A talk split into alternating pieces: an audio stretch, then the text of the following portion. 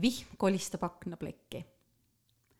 tahes-tahtmata tekib mõni hea mõte, mis kahjuks sageli, nimelt peaaegu alati ummikus lõpeb.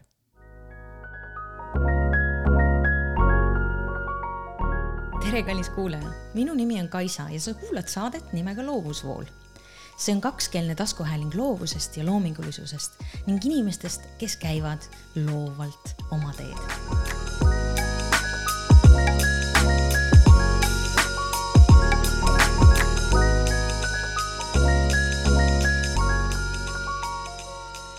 täna on mulle külla tulnud inimene kaugelt maalt. vihjamisi ütlen, et äh, tegemist on siiski eestlasega, kuid äh, kes on ajutiselt tulnud kodumaad väisama. kui ajutiselt, seda ma veel ei tea, pole uurinud, polegi vist oluline. aga hiljem läheb ta jällegi tagasi Šotimaale, sinna merede ja mägede vahele tema supervõime, kui nii võib seda nimetada, on loov sõnade ritta seadmise kunst. ning tõtt-öelda pean ütlema, et äh, ma kohtun temaga täna esimest korda, aga tunne on selline nagu ka väga paljude minu tutvuste puhul et äh, justkui oleks külla tulnud mõni vana sõber kuskilt kaugelt, keda pole lihtsalt kaua aega ja ammu näinud. seega tere tulemast saatesse, Birgit Itse tere, Kaisa, ja tegelikult sa natukene ajasid äh, pada praegu inimestele kohe alguses no,, sellepärast et äh, meil on ikkagi äh, minevik, ühine minevik selja taga. no kui palju meil seda minevikku on jah, et ma siin silmast silma väga nagu ei silmast silma mitte, aga ja. me tutvusime virtuaalselt siis, kui oli eelmisel aastal see kuuekümne päeva buduaari challenge mm. -hmm. ja siis meie ühine tuttav Reili oli äh, see, kes äh, käis kuskil välja ja siis ühel hetkel oli mingisugune punt inimesi, kes äh, ekraani vahendusel koos tantsisid ja, ja siis meil oli ju ühine playlist kõik Youtube'is, kus me lisasime mingisuguseid laule ja ja mina kuulsin mingeid laule elus esimest korda ja vist kõigil oli niimoodi, et, et kõik panid oma mingisugused veidrad asjad, et oh, see on nagu päris hea väljakutse siin, et sellega nagu ilgelt rets tantsida ja siis mõtled, et nagu õõtsud nagu puutuule käes ja siis ähm, äh, teine koht oli ju siis, kui sa sellel kirjutamisgeeniuste seminaril osalesid, siis äh, äh, me nägime ka ja vahepeal oleme ka ikkagi suhelnud, et äh, päris nii ei olnud, et ma astusin siit stuudiuksest sisse, ütlesin tšau, Kaisa, räägime. ei no absoluutselt, aga see on kuidagi naljakas, et äh, on ähm, mul on väga palju selliseid tutvusi, inimesi, kellega ma olen äh, läbi interneti vahenduse kuidagi mingite äh, ühiste tuttavate tuttavaks saanud nii-öelda, onju. ja, ja mingeid asju koos teinud, mis on megavägevad ja maailma muutnud ja noh, oleneb kelle maailma või kui suurt maailma, aga noh, et äh, et nad kuidagi nagu puudutavad mind ja siis just läbi selle ühise kogemuse tekibki alati see tunne, et ma tegelikult ju tean seda inimest, sest sa hakkad teda nagu jälgima, ta kuidagi jookseb sinu igapäevast äh, läbi. Ehm, noh, näiteks meie puhul oligi siis see tantsimine on ju, et iga päev teadsid, et saad video, kus üks mingi punaste lokis juustega ilusas kleidis sädi kogu aeg nagu tantsib, on ju. ja mina samamoodi oma siniste juustega tantsin kuskil teisel pool, on ju. ja, ja polnudki nagu päris hästi aru saada, et, et jutt oli, et nagu Šotimaal välja näeb, nagu oleks kuskil mere ääres puhkusel, on ju. et nagu, mis asi see üldse on nagu, et mis niimoodi nagu inimesi kokku tõmbab. aga mul on väga hea meel, et minu tutvused sellised on, sellepärast et nad tavaliselt äh, algavad ootamatult ja viivad välja väga ootamatutesse kohtadesse ka. ja nii samamoodi, et ma ei oleks kunagi arvanud, et ma sinuga koos tantsimisest jõuan sinuga koos kirjutamiseni. noh, juhuseid ei ole olemas äh, aga see, see kõigepealt virtuaalne ja siis silmast silma, vaata kui inimeste puhul nende Äh, kasvu ja arenemise puhul öeldakse, et on mingid ealised iseärasused, on ju, et on -hmm. päris pisikestel ja siis juba elukogenud inimestel, et kõigil on mingid ealised iseärasused.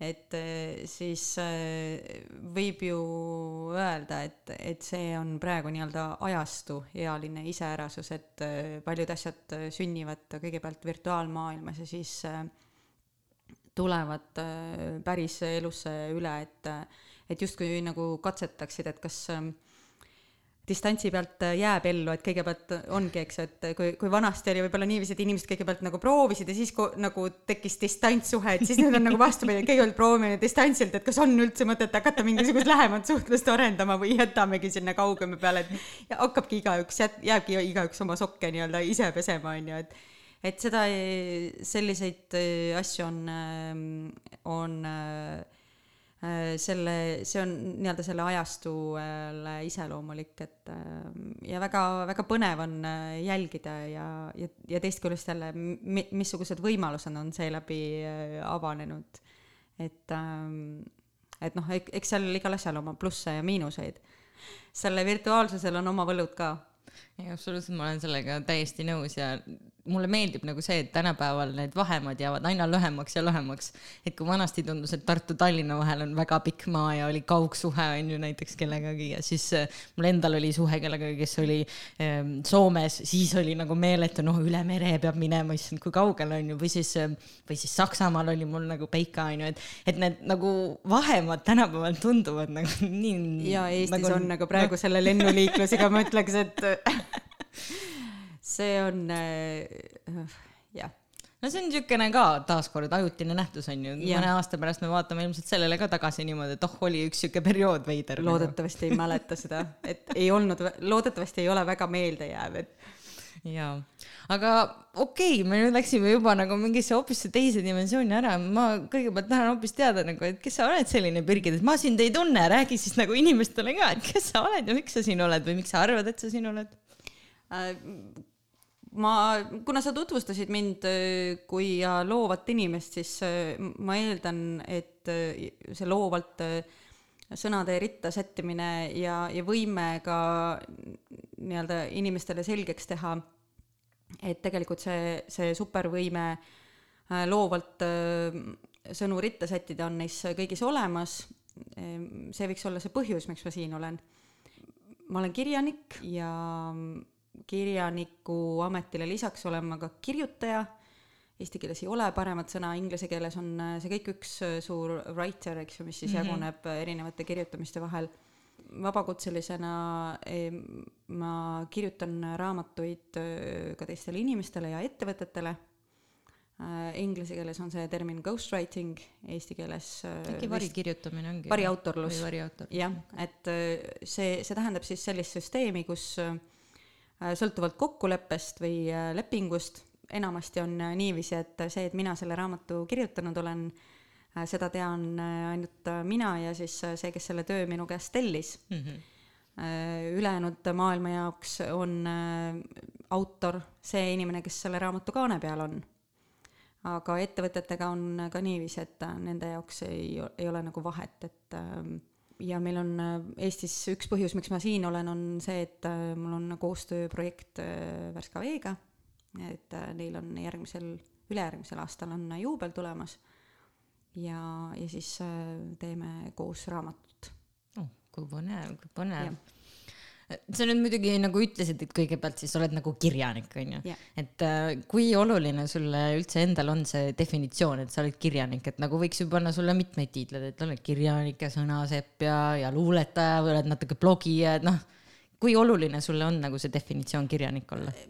väga oluline ei ole, aga kui küsitakse, et kes sa selline oled, et siis siis äh, see on võib-olla kõige laiem ja kõige täpsem äh, samaaegselt ja ega mul väga lihtne alguses seda sõna kirjanik endal suust välja saada ei olnud, et äh, kuigi kui ma tagasi mõtlen oma äh, tööelule, mis minu jaoks hakkas äh, kuueteistkümnendast eluaastast, siis sõltumata ametist ma kirjutasin hästi palju ja kui selle, selle ametiga sellist kirjutamise võimalust ei kaasnenud, nii-öelda ei olnud töökohustuste hulgas, siis ma tekitasin selle võimaluse sinna. Äh, päris tõsiselt, noh, kui ma Tammsaare muuseumis äh, töötasin Värgamäel, siis äh, tekitasin muuseumile blogi ja ja öö, otsisin võimalusi kirjutada kodulehekülje tekste, et kus ikka midagi kirjutada annaks, siis need said kõigepealt tehtud ja siis vaatasime mingeid Exceli tabeleid ja selliseid asju, et et äh, see ja ega ma sellest ise väga hästi aru ei saanud, et see võiks olla minu kirg, et ma lihtsalt mõtlesin, et see on lihtne. see kirjutamine oli lihtne ja sellepärast mulle meeldis teha, et see on lihtne mm. -hmm aga, aga siis, kui, kui ma siin, eks ma ikka unistasin, ma arvan, et kui ma kuskil kakskümmend viis Äh, hakkasin saama, siis äh, ma, ma julgesin hakata sellest unistama, et ega ma enne kirjutasin ju laulusõnu bändidele ja ja esimese luuletuse sellise nagu teadlikus mõttes, et nagu, et nii, nüüd ma kirjutan luuletuse mitte sellepärast, et koolis kästi mm, -hmm. vaid sellepärast, et see tuleb minu seest, ma olin seitsmeteistaastane. ja, ja see, selles mõttes on see huvitav, et äh, see on ainuke luuletus, mida ma peast tean. kõik muud asjad, on need laulusõnad, on need luuletused ma pean alati uuesti pähe õppima selleks, et neid kuskile esitada. mulle nagu, ma kirjutan välja, siis ta nagu on kuskil. aga, aga see päris esimene, see on äh, siiamaani äh, peas. ja siis ma hakkasin nii-öelda sahtlisse kirjutama ja märkmikutesse kirjutama ja, ja siis ma olen äh, tõesti kirjutanud igale poole, noh, sihuke klassika, äh, poetšekkide tagumised küljed, äh, salvrätikud ähm,, siis teisel pool on mingi konspekt, siis sinna kirjutasin, et mis nagu parasjagu käes oli, et noh, et, et, et see muidugi ma see, mis seal salvrätiku peal oli, ma kirjutasin pärast vihikusse ümber, aga ma sõitsin bussis, ma mäletan seda täpselt. või ühel, see oli kaks tuhat neli, ma olin Lätis ühel koolitusel, Deutsche Welle koolitusel ja sihuke lätlaste, leedukate, eestlaste seltskond äh, vist Kuldikast sõitsime tagasi Riia poole ja ma vaatasin neid pilvi seal taevas ja siis mingid mõtted lihtsalt nagu ja, ja lihtsalt käis ja ketras ja ketras. siis ma mõtlesin, ma pastaks saan, kuhu ma kirjutan, mul ei ole kuskile kirjutada.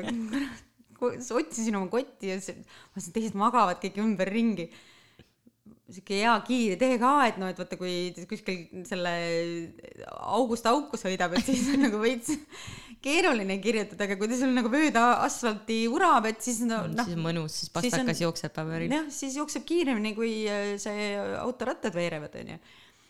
ja, ja siis ma võtsingi, võtsin märkmiku alla, vaatasin, oh, mul on siin üks, üks paber taskurätik oli alles.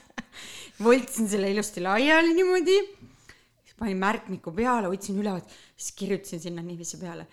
ja siis vaatasin ma pean hakkama väiksema käega kirjutama, siis mul tuleb teine luuletus veel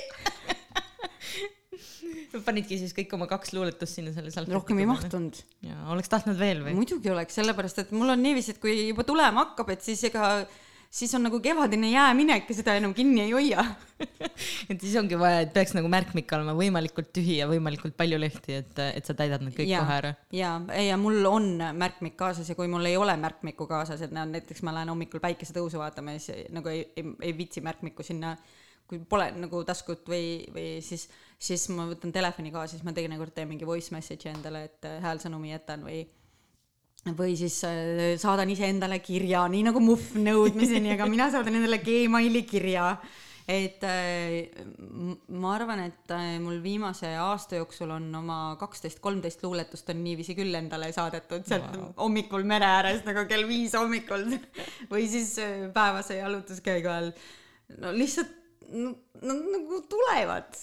ja ega loovus ei küsi, millal ta tuleb see, tegelikult on seda ju võimalik äh, tekitada, et kui sa, kui sa tajud ära, et mis on sinu jaoks need kohad ja hetked ja paigad e, või tegevused, mis, mis tõmbavad selle loovuse käima, et noh, et sa -hmm. ise tead seal selles kirjutamisgeeniuste seminaril oli ju ka, et kui, kui sa enda jaoks nagu selgeks mõtled nagu iseenda peale, et millal sul see nagu on, et siis on seda kõike võimalik ju esile kutsuda noh, mina tean, et mul mere ääres alati tuleb, et kui mul on nagu pea tühis, ma lähen mere äärde ja siis noh, ole valmis, onju, ei ole mõtet minna ilma märkmikute ja pastakate sinna nagu. noh, Birgit nagu peaksid teadma juba, eks ju, et et, äh, et see on nagu kindel, aga noh, mis on keerulisem, kus mul ka teinekord kipub, on autosõidu ajal, noh, seal on nagu veits nagu jama, onju. et siis ongi, et kas paned auto seisma või siis Äh, ongi äh,, laenad kõrvalistujalt telefoni, kui on, kui ei ole, noh, siis lihtsalt ongi see, et tuleb äh, autos, loota seda, et sa jõuad kohale. Ja, ja, ja siis sa nagu mäletad seda täpselt, see on täpselt samamoodi nagu sa õhtul enne lähed magama minekut ja siis hakkavad sul mõtted tulema. ah, ma hommikul kirjutan ülesse oh,. hommikul kirjutan üles või mul on teinekord, ma olen ka öösel niiviisi, niimoodi poolunes juba, selline mõnus on oh, ja, ja, ja siis on enam-vähem pool laulu on pea valmis, siis kordad niimoodi endale. nii, ma jätan nüüd selle salmi meelde. nii, need neli rida, kolm-neli korda lihtsalt õpid pähe, õpid pähe. nüüd ma kindlasti hommikul mäletan seda. nii, nüüd teine salm. nii, koos, oh, nüüd võib magama jääda. siis hommikul tõused üles viskad külma vett näo peale ja siis mõtled, mis asja ma tegin eile õhtul seal miks ma nii väsinud olen? isegi, sul ei ole hommikul isegi meeles, et sa midagi nagu läbi une õppisid. et ähm, äh, see, see unenägudes asjade nägemine, et äh, noh, need inimesed, kes kogevad seda, et nad unes näevad mingisuguseid ideid või asju, ma ostsin endale spetsiaalselt äh, sellise mm, LED-lambi, mis on äh, USB juhtmega arvutis laetav ja mul on päriselt sihuke öölambike voodi kõrval ja märkmik ja pliiats, et äh, siis ma ei pea laetuld nagu mm -hmm. põlema panema ähm, ja ma, ja ma tegin seda pärast seda, kui äh, ma lugesin, et Robert Louis Stevenson ähm, kirjanikuna peaks ütlema, kes vähegi seiklusjutte armastavad, tema, ka šotlane muuseas, tema oli niiviisi, et ta ütles endale õhtul enne magama minekut rahaga on veidi kitsas. mul oleks vaja äh, raamatu ideed ähm,, mille sisu müüks hästi. ja kõik oma nii-öelda bestsellerite äh, süžeed või mõtted äh, ta väidetavalt äh, sai unes nägi unes nagu neid asju ja siis äh, sealt sai selle algtõuke nende raamatute kirjutamiseks, et et mõtled, kuidas meie alateadvus nagu töötab ja tegelikult produtseerib, et kui sa annad endale ülesande nagu olla loov, et äh, noh, ma ise armastan ka kasutada seda väljendit, et tähtaeg inspireerib. No ei tea, mõnikord ta ikka ei inspireeri ka, minu arust äh, oleneb väga inimestest. See on, siis on tähtaeg liiga kaugel, kui ei inspireeri. Et noh, et siukseid äh, vahepeal nagu tekib mul endal nagu asjade alustamisega on alati hästi keeruline, ma pean palju trikitama endaga, et noh, mõtlema selle asja nagu mingiks selliseks noh, muidu mööda minnes, et noh, umbes nagu nõudepesu on ju, et sihuke asi või et, või et ei jõua isegi registreerida veel, nagu see on nagu trenni tegemine hommikul hommikul on ju, et, et ei taha nagu teha, on ju, aga kui ei ole jõudnud veel mõtlema hakata, et ei taha nagu teha, siis tuleb teha, vaata kiirelt ära. see on see Mel Robbinsi harjutus, et viis, neli, kolm, kaks, üks. ja, aga kusjuures selle viis, neli, kolm, kaks, ühe peale on ju, ma ju, mul juba jõudis mõistus kohale et see nagu ei tööta enam, seda ma olen juba siis sul on lihtsalt kolm, kaks, üks ma ei tea, mis, ütlen, ma olen nagu natukene veider kohati, et ma pean mingeid nagu siukseid trikke kasutama. aga kui sa nagu kirjeldasid seda, et kuidas sul nagu ka enne vastu ööd nagu need ideed tulevad, siis ma olen samasugune, et äh, ma olen öösiti, noh, ongi, et lähed magama ära enda arvates onju.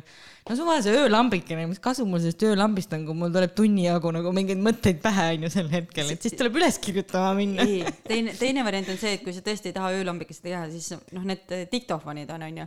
ja siis läbi une räägid ja siis hommikul mõtled. okei okay mida iganes ma eile õhtul tarvitasin, siis seda nüüd rohkem juurde ei osta sest noh, siukseid heliklippe on ka minu nagu telefonis, kus ma noh, öösel kell kaks ümised endale mingid lauluideed on ju, mhm. mingid sõnad tulid pähe ja nagu noh, et sest ma tean täpselt samamoodi nagu sina ütlesid, et kui sul on loovidee, siis see loovidee ei jää ootama, millal sina nagu äh, lõpuks leiad aega tema jaoks, ta tuleb nüüd, kohe ja praegu ja kui sa teda kirja ei pane, siis see on su oma viga, et ilma jäid. see on äh, samamoodi nagu äh, selle päikesetõusuga, et noh, ütle päikesele, et oota veits, ma sean kaamera valmis ja siis nüüd tõuse ja tule selle nurga alt, onju, see ei käi niimoodi. Ähm, ja mis on nende ideedega on veel, et, et noh, et okei okay,, et järgmine hommik mõtled, et nagu koputad endale meele kohta ja mõtled, et joh, Heidi, et see nüüd nagu küll väga mõistlik mõte ei olnud, see kiri panna, jumala eest, palun ärge kustutage neid asju ära või ärge nagu hakake mingisuguseid lehti märkmikust välja rebima. lihtsalt pange nad kõrvale ja siis umbes kahe aasta pärast ja vaadake. siis te vaatate lööte käed puusu, täiesti tehtav ju või, või kümne aasta pärast vaatad, vau, mina mõtlesin selle välja. ma olen ikka vägev. et äh, mul tegelikult on äh, nende mul oli ka vist äh, vahepeal äh, mingisugune mõte, et äh, ära hävitada, et tundus nagu ilgelt lapsikud, et kui ma vaatasin kahekümne kuue või seitsme aastasena neid asju, mis ma olin seitsmeteistaastasena kirja pannud, siis vaatasin, lõin käega otsa ette, mõtlesin piinlik, lihtsalt piinlik. ja nüüd noh, kolmekümne seitsme aastasena ma ei julgenudki neid lahti teha, sest mul oli see emotsioon meelde, nagu meeles, et see kõik oli lihtsalt kohutavalt piinlik. Ja, aga kui ma neljakümnesena need äh, märkmikud äh, lahti lõin, kus olid seitsmeteist, kaheksateist, üheksateist aastase äh, kirjutised, siis ma tundsin enda üle uhkust. ja noh, seal oli muid emotsioone ka, aga oli, oli ka sellist uhkuse tunnet, siirast uhkuse tunnet, et, et sa oled tõesti arukas neiu olnud kunagi. et enam ei saa sinu kohta neiu öelda. Ilmselt on teataval määral seda arukust õnnestunud sul edasi arendada. et ja, ja noh, et ka see, et sa need asjad oled nagu alles hoidnud, sest noh, üks näide, mis mulle meelde jäi, oli see, et et kuidas ma arutlesin äh, nende märkmiku veergudel, et et äh, aga et mis on siis, kui äh, igal pilvel taevas on äh, maapealne hingesugulane. Vau, vau, mis mõte, see oli seitsmeteistaastane seitseteist, kaheksateist, üheksateist, ma enam kuupäeva ei mäleta, minul stiil on see, et kui ma midagi kirja panen, siis ma panen alati kuupäeva ja aastaarvu juurde. et äh, ja, ja noh, kui, kui sellised asjad, eks ju, sul tulevad hilisteismeeas, et äh, ma olen, ma olen teinekord mõelnud, et, et milliseks oleks mu elu ja tegevus siis kujunenud, kui mul sel hetkel oleks olnud kõrval keegi, kes oleks märganud ja võtnud nagu käest kinni ja sudinud, et see on sinu tee Äh, teisest küljest, kas ma oleksin teda uskunud? jaa, see on ka omaette küsimus. et see on see aeg, et kus äh, sa oled ise väga põikpäine ja, ja nagu ja, ja noh, ega ega mul endal oli äh, samamoodi enne sinna Šotimaale minekut oli kogu aeg see mõte, jaa, ma hakkan kirjutama tulevikus raamatuid küll, aga e, noh, enne tuleb ikka nagu majanduslikult kõik asjad korda saada, siis võid hakata oma hobiga tegelema ja, ja uskuge või mitte, seda ma kuulen siiamaani, et okei okay,, et sa oled kirjanik, aga mis su päris töö on et iga loovinimese see tüüpiline, et noh, sa oled kunstnik, oled laulja nagu, aga mida sa tegelikult teed? ja et mil-, noh, et, et ega sa sellega ju üüri ei maksa või nagu, et jah. aga maksad et... siis või?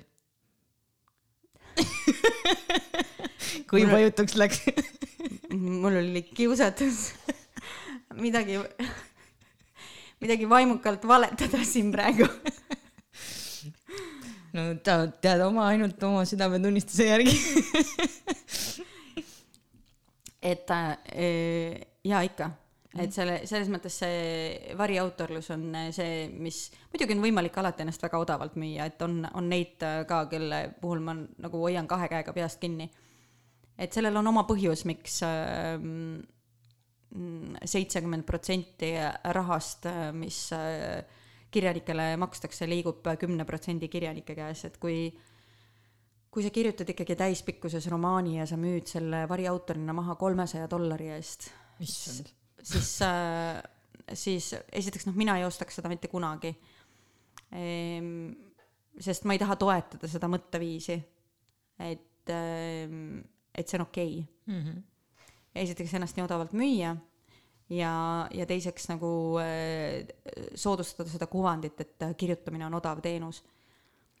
ja, ja teiseks äh, mul tekib alati väga odavate asjade puhul küsimus, et äh, kas noh, et miks ja, ja kas, miks see nii odav on, täpselt. et äh, kui sul on tõesti näpud väga põhjas, et äh, siis, siis ma nagu pigem nagu ütlen, et seal ei ole küsimus äh, selles, siis sul ongi näpud väga põhjas sellepärast, et sa nii odavalt müüd mm. -hmm. ja, ja teine põhjus on see, et kas, kas see siis ongi ikka sinu, sest noh, mis on samamoodi, kui me räägime nendest loomingu varjukülgedest, et siis, siis hästi levinud võte nende nii-öelda naistekate puhul ongi see, et võetakse mingisugune tuntud see ja, ja kirjutatakse siis ümber teised tegelaste nimed ja natukene mingisuguseid asju muudetakse, võib-olla miksitakse kokku, noh, Bridget Jones on tegelikult ju samamoodi kaks lugu kokku pandud, eks ju mm. -hmm. et ähm, aga, aga teisest küljest on, on ka neid variautoreid äh,, kes teenivadki väga hästi ja, ja mulle väga meeldib mõelda, et äh, et see ei ole mitte ainult, sa ei ole kirjutaja, vaid sa oled ka loo arhitekt.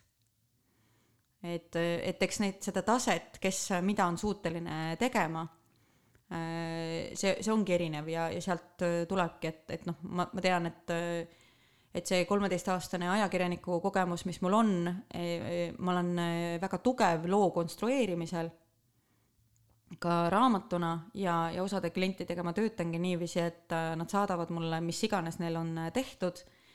E, ja, ja siis ma loen selle läbi ja, ja siis ma selle saba ja sarvedeta olendist tekitan sellise asja, et kuhu siis saab hakata liha luudele ja siis lõpuks, eks ju, äh, naha ka peale tõmmata, et nad kirjutamise abi ei vaja, aga nad vajavad loo konstrueerimise abi.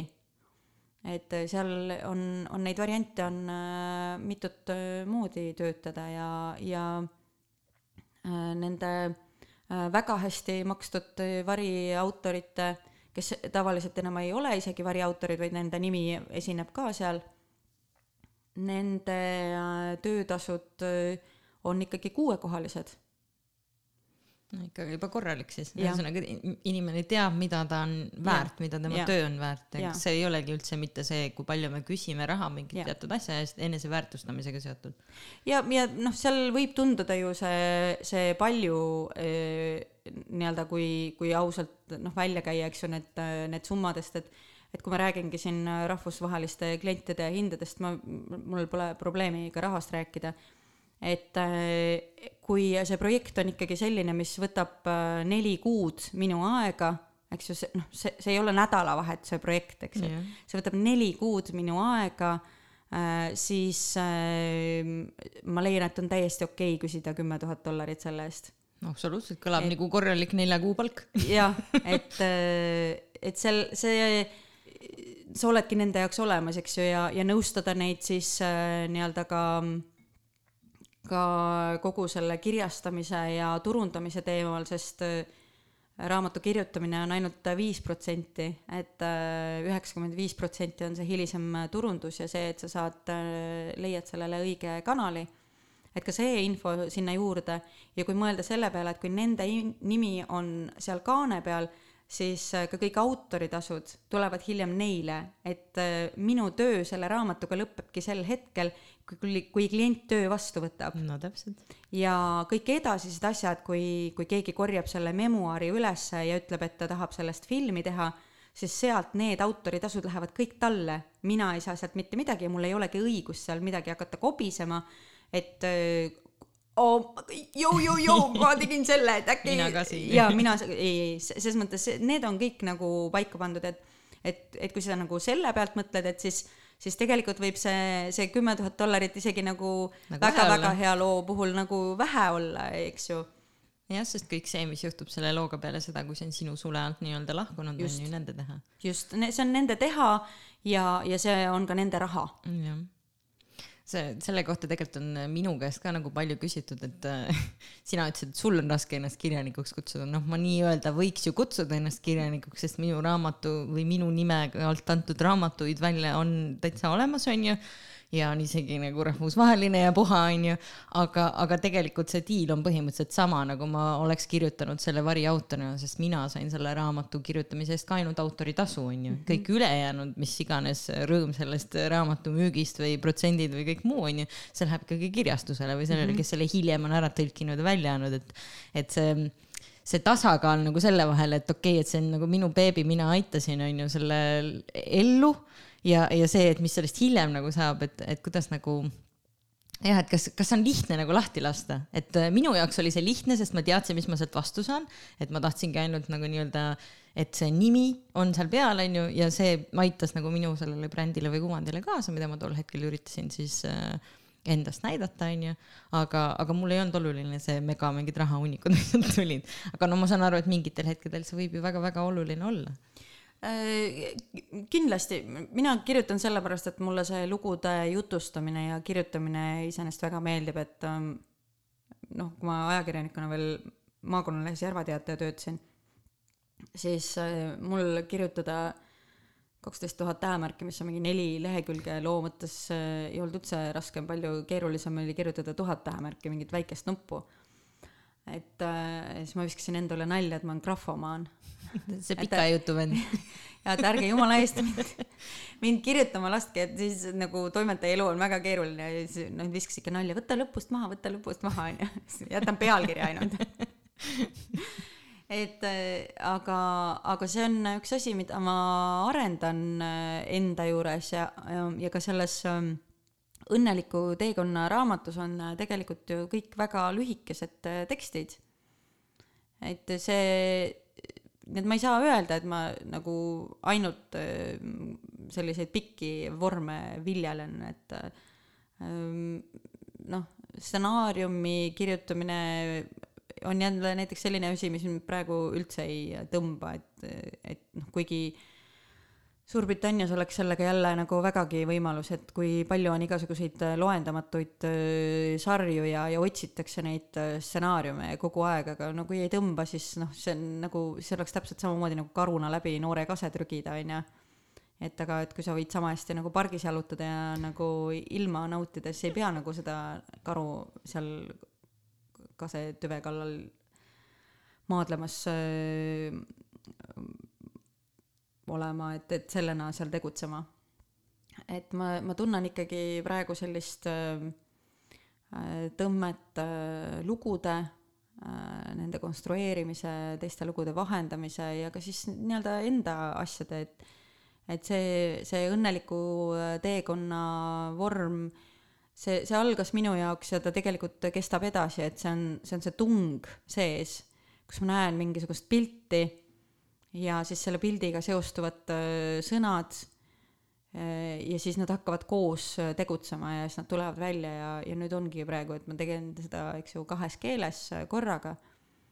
ja, ja aeg-ajalt tulevad siis mingisugused luuletused, laulusõnad, võib-olla mingid pikemad sellised mõtiskluste moodi asjad, aga seda, mis keeles nad tulevad, seda ma ei tea kunagi ette, et mingid asjad tulevad eesti keeles, mingid asjad tulevad inglise keeles ja ma, ma olen lasknud selle, selle vabaks.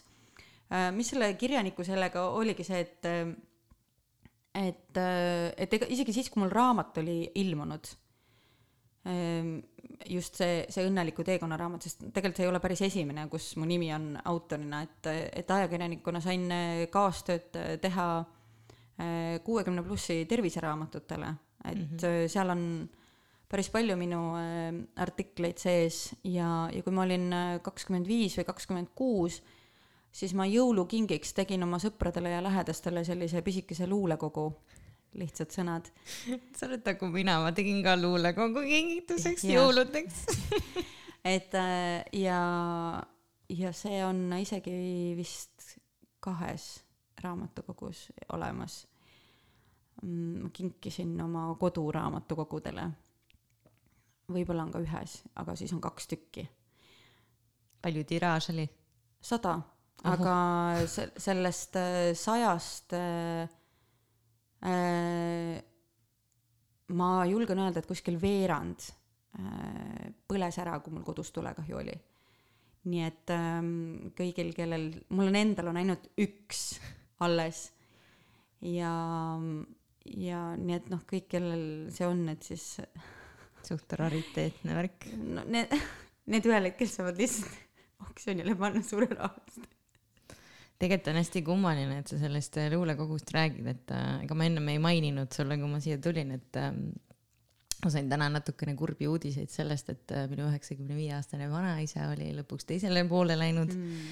ja see luuleraamat, mida ma mainisin, tegelikult saigi kirjutatud äh, talle või noh, selles suhtes mitte otseselt talle, aga tema sünnipäeva puhul, siis kui ta mm. sai ähm, kaheksakümmend, ehk siis juba peaaegu viisteist aastat tagasi. viisteist aastat aega sul luuletusi lugeda, ma arvan, et ta teadis neid kõiki peast, ta lihtsalt ei julgenud sulle öelda. väga võimalik, aga, aga mis on nagu naljakas selle asja puhul ongi see, et ma mäletan, et äh, ma mõtlesin sel hetkel, et kuna noh, jah, see oli kaheksakümne viie aastas ikka, see on kümme aastat tagasi ma mõtlesin, et ma ei olnud nii noor siis, kui ma seda kirjutasin. minul oli kaks tuhat kuus, nii et ma olin viis aastat enne sind.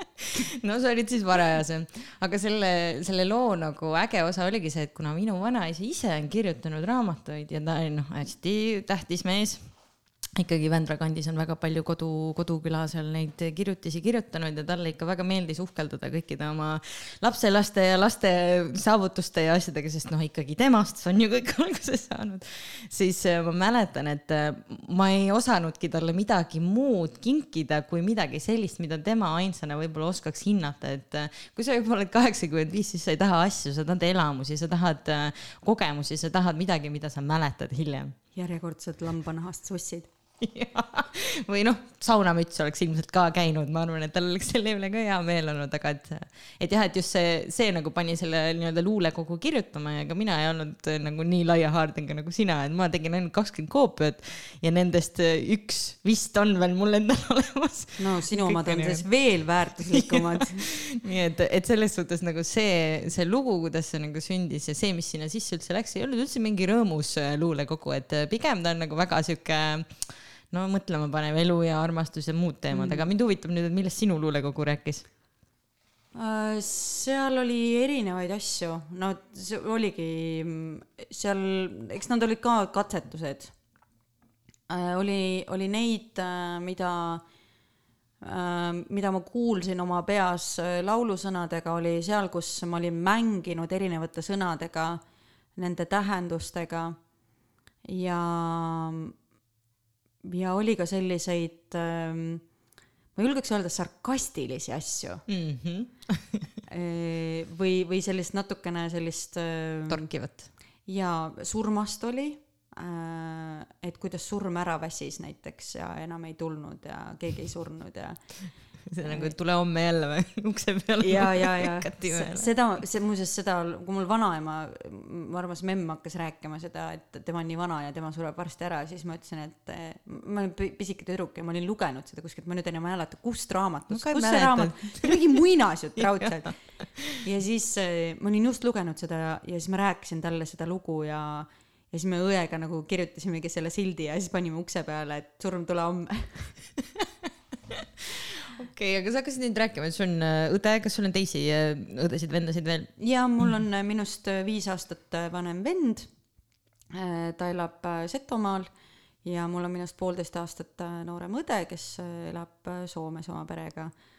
ja mina olen siis Šotimaal. ja, ja siis see rõõmus keskmine laps ja, ja siis mul on veel üks, kes nii-öelda ametlikult justkui ei ole meie pereliige olnud, aga, aga nii-öelda vaimselt ja emotsionaalselt ma ikkagi loen teda oma kasuvennaks, sest ta, ta elas mõnda aega meie juures mm, -hmm. et, et, et selles mõttes noh, kui sa, kui sa küsid nagu. ikkagi nagu oma ju. jah, et siis minu jaoks on ta oma selle kohta mulle kunagi öeldi, et ei ole olemas neid äh, poolikuid ja kasulikke et noh, et see kõik on nagu omad, vaata, et, et kui on juba ja. vend vennaks loodud või ta, see on sama nagu, et kas sa oled kasuisa või kasuema onju, et tegelikult no, on ta ikkagi ema-isa, kes jah, täidab seda rolli. selles mõttes, kui me nagu, nagu sellest bioloogiast äh, ja, ja geenitehnoloogiast räägime, et siis, siis ei, ma loodan, et nad ei kuulanud praegu et siis selle, selle, nende nagu eh, eh, parameetrite järgi ta ei kvalifitseeru mm, -hmm. aga, aga emotsionaalsel tasandil kindlasti kvalifitseerub aga kui sa siis olid nii-öelda see pisikene, pisikene väike Birgit seal on ju oma venna ja õe ja, ja kõikide muude lisanditega ei, lisandid tulid hiljem, siis ma olin äh, juba teismeline. okei okay., et siis kas juba väiksest peale oli see, et sa nagu kogu aeg kirjutasid mingeid raamatuid, et ma olen väga paljude väikeste noorte lastega kohtunud, kes kirjutavad raamatuid näiteks äh,. ei, mina ei kirjutanud, me tegime küll mingisugused, meil olid need äh, salmikud ja siis äh, me kirjutasime mingeid ajakirju, aga no noh, need äh, trükimusta küll ei kannata, seda on noh, lihtsalt õega, kui me nagu loeme neid asju, et siis praegu on nagu küll suhteliselt nagu piinlik, et kas meil üldse nagu mingisugust vanemlikku järelevalvet ei olnud, mida me sinna kirjutasime või mitte.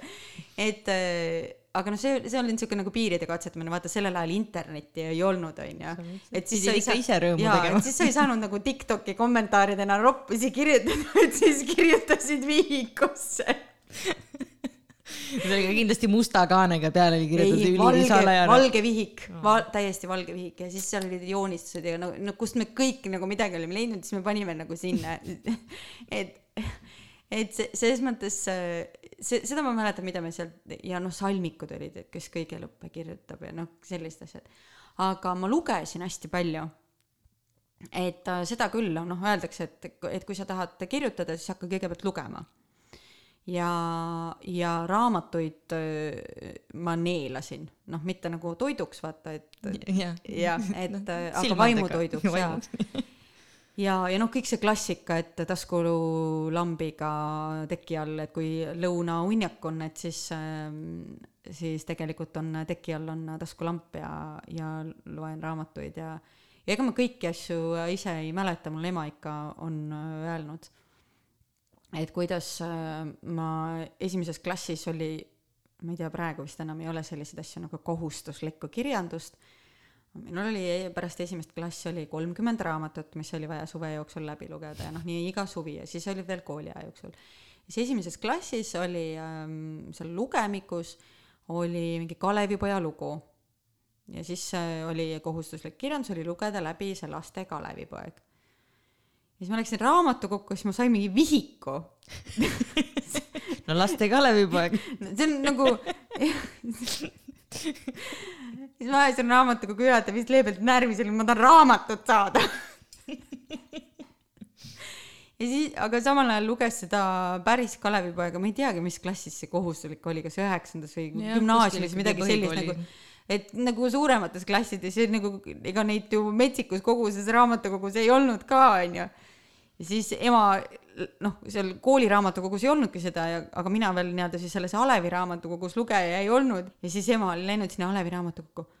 Mul tahab laps Kalevipoega lugeda. No talle toodi ka kõigepealt see vihik. Ütles ei ei ta tahab seda päris Kalevipoega lugeda. Mul vend käis vist kuuendas sel hetkel. Kuues klass ei loe veel või? Mis kuues? See esimese klassi oma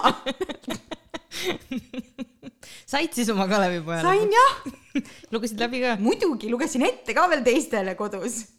See on nii huvitav koht. Ja ja teine teine lugu seda ma mäletan ise seda mulle ema ei rääkinud. E, oli äh, see kus viiendas klassis noh mul see et kui vaata augusti lõpus sa läksid kooli eks ju siis sa tõid oma õpikud koju. Siis äh, mul olid esimeseks septembriks tavaliselt kõik lugemikulood läbi loetud Polnud mõtet kooli minnagi. ei, oli ikka mõte sellepärast nad jõudsid ära nagu minna, aga siis ma sain nagu teada, et mis raamatuid tuleb lugema hakata. ja, ja siis, kui äh, seal oli lugu Indrekust, Riiast ja Jõhvi linnupojast. mis raamat see on? Pole halli aimugi. Tõde ja õigus. okei okay,, ma Indrekust ma oleks veel aru saanud, aga siis ma hakkasin mõtlema, kõik need ülejäänud märksõnad oli- üldse ei töötanud mu jaoks. see oli äh, naabrite äh, karjatüdruk Riia, kes söötis Jõhvi linnupoegi oma kassile jaa. et äh, ja, ja mina mõtlesin, nii huvitav raamat, ma tahan teada, mis selle tüdruku ja poisiga edasi sai. Läksin sellise nagu sirge selja ja püstise ninaga läksin, siis ma olin juba Alevi raamatukogus lugeja, läksin nina, ma tahan Tõde ja õigust saada. noh, siis raamatukogu töötaja enam ei imestanud, siis ta tõi mulle selle raamatu välja, ütles, et see on sinu jaoks natukene raske raamat, aga noh, eks sa proovi, loe ära kas sa lugesid kõik viis osa läbi lõpuks? E, viiendas klassis ei lugenud, siis ma lugesin ainult äh, esimese osa ja, ja ma lugesingi, selles mõttes ta oli huvitav, et ma lugesin seda selles võtmes, et kuidas äh, äh, vanasti elati. ja noh, kui ma hiljem Vargamäel töötasin, et siis algklasside ja, ja viiendikud ka ju käisid ja siis sa rääkisidki seda lugu äh, nii-öelda laste vaatenurgast ja sellest, kuidas inimesed äh, nii-öelda tol ajal elasid et äh, ei olnud äh, minu jaoks vara lugeda, aga viis osa ma lugesin äh, läbi keskkoolis. ja, ja siis, kui ma muuseumis töötasin, siis ka nagu teist korda. kas see muuseumis töötamises oli see nagu vajalik, et pidigi? no, oli kohustuslik nii-öelda no muidu ei mängi nagu ekskursioonide tegemine välja, kui sa, sest noh, neid paralleele sealt tuua, et eriti esimesest ja viiendast osa ja rääkida mm. tegelastest, et et kui sul ikka grupist nagu keegi küsib, et sa pead olema nagu suuteline mingisugust diskussiooni arendama ja kaasa rääkima sel teemal, et ma ütlesin, ja jah, need muuseumitöötajad on tõesti palju lugenud. mis su enda lemmik nendest äh, sellest äh, viieosalisest raamatgrupist oli? ma arvan, et see, see äh, esimene osa just oma, oma mitmetahulisuses, kus erinevad põlvkonnad, need erinevad lood, see, see, see põimumine, et ta, ta ei ole nagu nii-öelda ühes teemas kinni, vaid seal ongi nagu nende erinevate tegelaste lood seal hargnevad, et, et selles mõttes ta mulle meeldib. ja noh, kui siis äh, hiljem äh, see, see filmi tegemine oli ja ma sain ajakirjanikuna seal kõrval äh, kajastada kogu seda protsessi, et siis see raamatu lugemine ja seal muuseumis töötamine ja kogu selle, selle sisu tundmine, et see tuli ikka kasuks. ja, ja ma mäletan oh,, ajakirjanikuna läksin Merle Karusooga lugu tegema, neil oli Katri Kaasik-Aaslaviga oli Vargamäel üks etendus ja ega nad alguses väga rõõmsad ei olnud maakonnalehe tulemise üle ja, ja ma ei mäleta, emb-kumb neist küsis mu käest, et kas ma ikka Tõde ja õigust olen lugenud. Nad olid harjunud, et keegi pole kuulnudki, mis see on ju. noh, ilmselt nii on, eks ju, et ma ei, ma ei saa ju kõikide eest nagu rääkida, aga, aga võimalik jah, et, et ei ole kõik, kes, kes lähevad neid asju tegema, ei ole neid lugenudki, eks ju. ja siis ma ütlesin jah korduvalt ja ma olen siin muuseumis ligi poolteist aastat töötanud, siis nad olid väga lahked edaspidi minuga. Nad said aru, et tegemist on inimesega, kes nagu saab aru, milliseid küsimusi ta esitab ja, ja ka nagu meil oli väga põnev ja aga ma ei, ma ei pane selliseid asju pahaks, ma eelistan alati otsekohesust Äh, mesimagusale moosimisele ja, ja nagu sellisele, et jaa, kõik on nii hästi, kõik on nii tore. ja siis äh, nii kui selja keerab, siis on aah. kui äh, palju sellest otsekohesusest äh, sa puudust tunned siis, kui sa Šotimaal oled?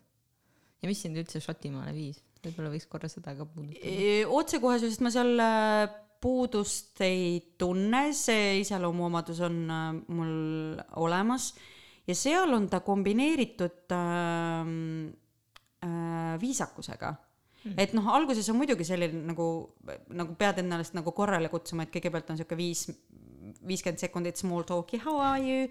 Äh, ja, ja aga siis mõtled, et okei okay,, aga viisakuses ei ole mitte midagi halba. Ja, ja teisest küljest, kui on kriitiline, siis äh, ei hakka keegi nagu ninnu näinutama, vaid noh, et siis nagu tegeletakse, eks ju aga see kõik on nagu väga lahke, toetav, et sa tunned nagu, või mina tunnen, et, ähm, et nagu mingisugune turvavõrgustik oleks nagu ümber, sihuke hoituse tunne on seal. E, ja, ja selles mõttes, et ega seal see, see ei ole niiviisi, et nagu, et nad ei, nad on ikka Ehm, see Šoti huumor on äh, selline, et kus, kus saab seda nagu mõnusalt äh, välja elada, et see, ta on, see otsekohesus on seal sellises mõnusas äh, vürtsikas huumoris, nii et et ma tunnen ennast seal väga, väga koduselt, sest ma oma seda seal ikka ütlen, et et mulle nii meeldib siin olla, et siin inimesed naeravad mu naljade üle. jaa ja väga õige, ei võeta liiga tõsiselt kõike. ja see, seda nad ütlevad ise, et see on nende rahvuslik iseloomujoon, et nad ei võta ennast ega elu väga tõsiselt. aga mis mind sinna ajas, äh, ma olen nüüd seda muuseumi juttu siin ajanud, äh, ma töötasin, Šotimaa ei ole kunagi olnud minu unistuste sihtkoht see okay. on, ähm, ma olen mõelnud Uus-Meremaast, ma olin käinud selleks ajaks Iirimaal, kus elas mu õde äh, tol hetkel et äh, ma olin äh, unistanud äh, Kanadast.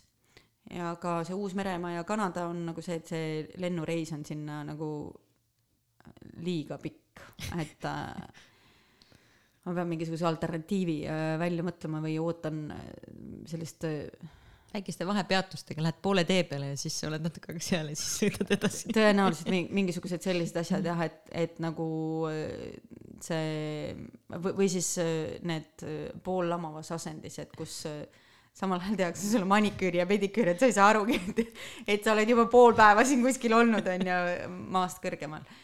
Ähm, kaks tuhat üksteist ähm, mu toonane ülemus või kaks tuhat kümme oli sel hetkel isegi, Šotimaa oli tema unistuste sihtkoht.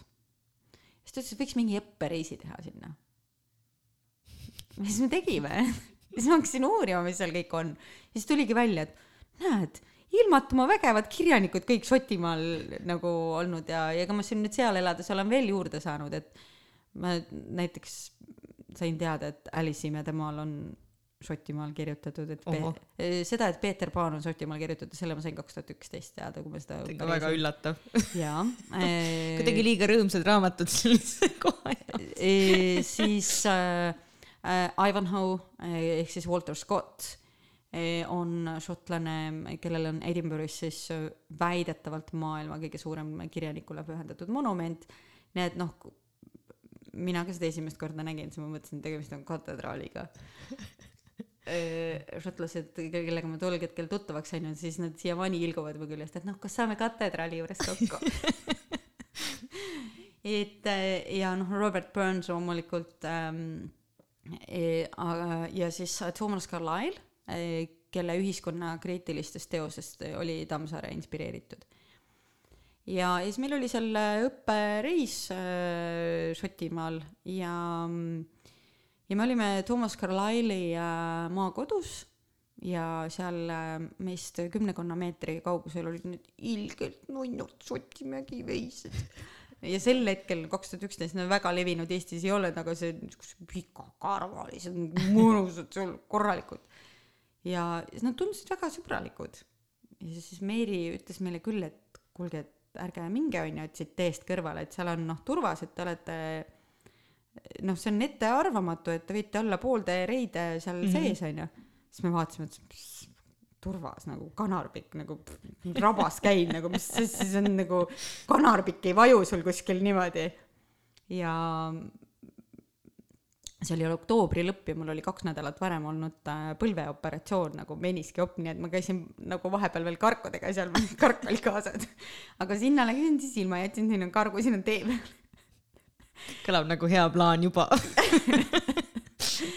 ja noh, ega me väga palju neid samme seal astuda ei saanud, umbes poole maa peale jõudsime, nii et noh, teeni enam käsi ei ulatanud, aga aiani ka veel mitte. ja nagu oligi põlvist saadik kahe jalaga seal turbas. ja siis õõtsutad ennast niimoodi edasi-tagasi, nagu tuletad meelde kõike, proovid jalga tõmmata vaakumis mõnusalt.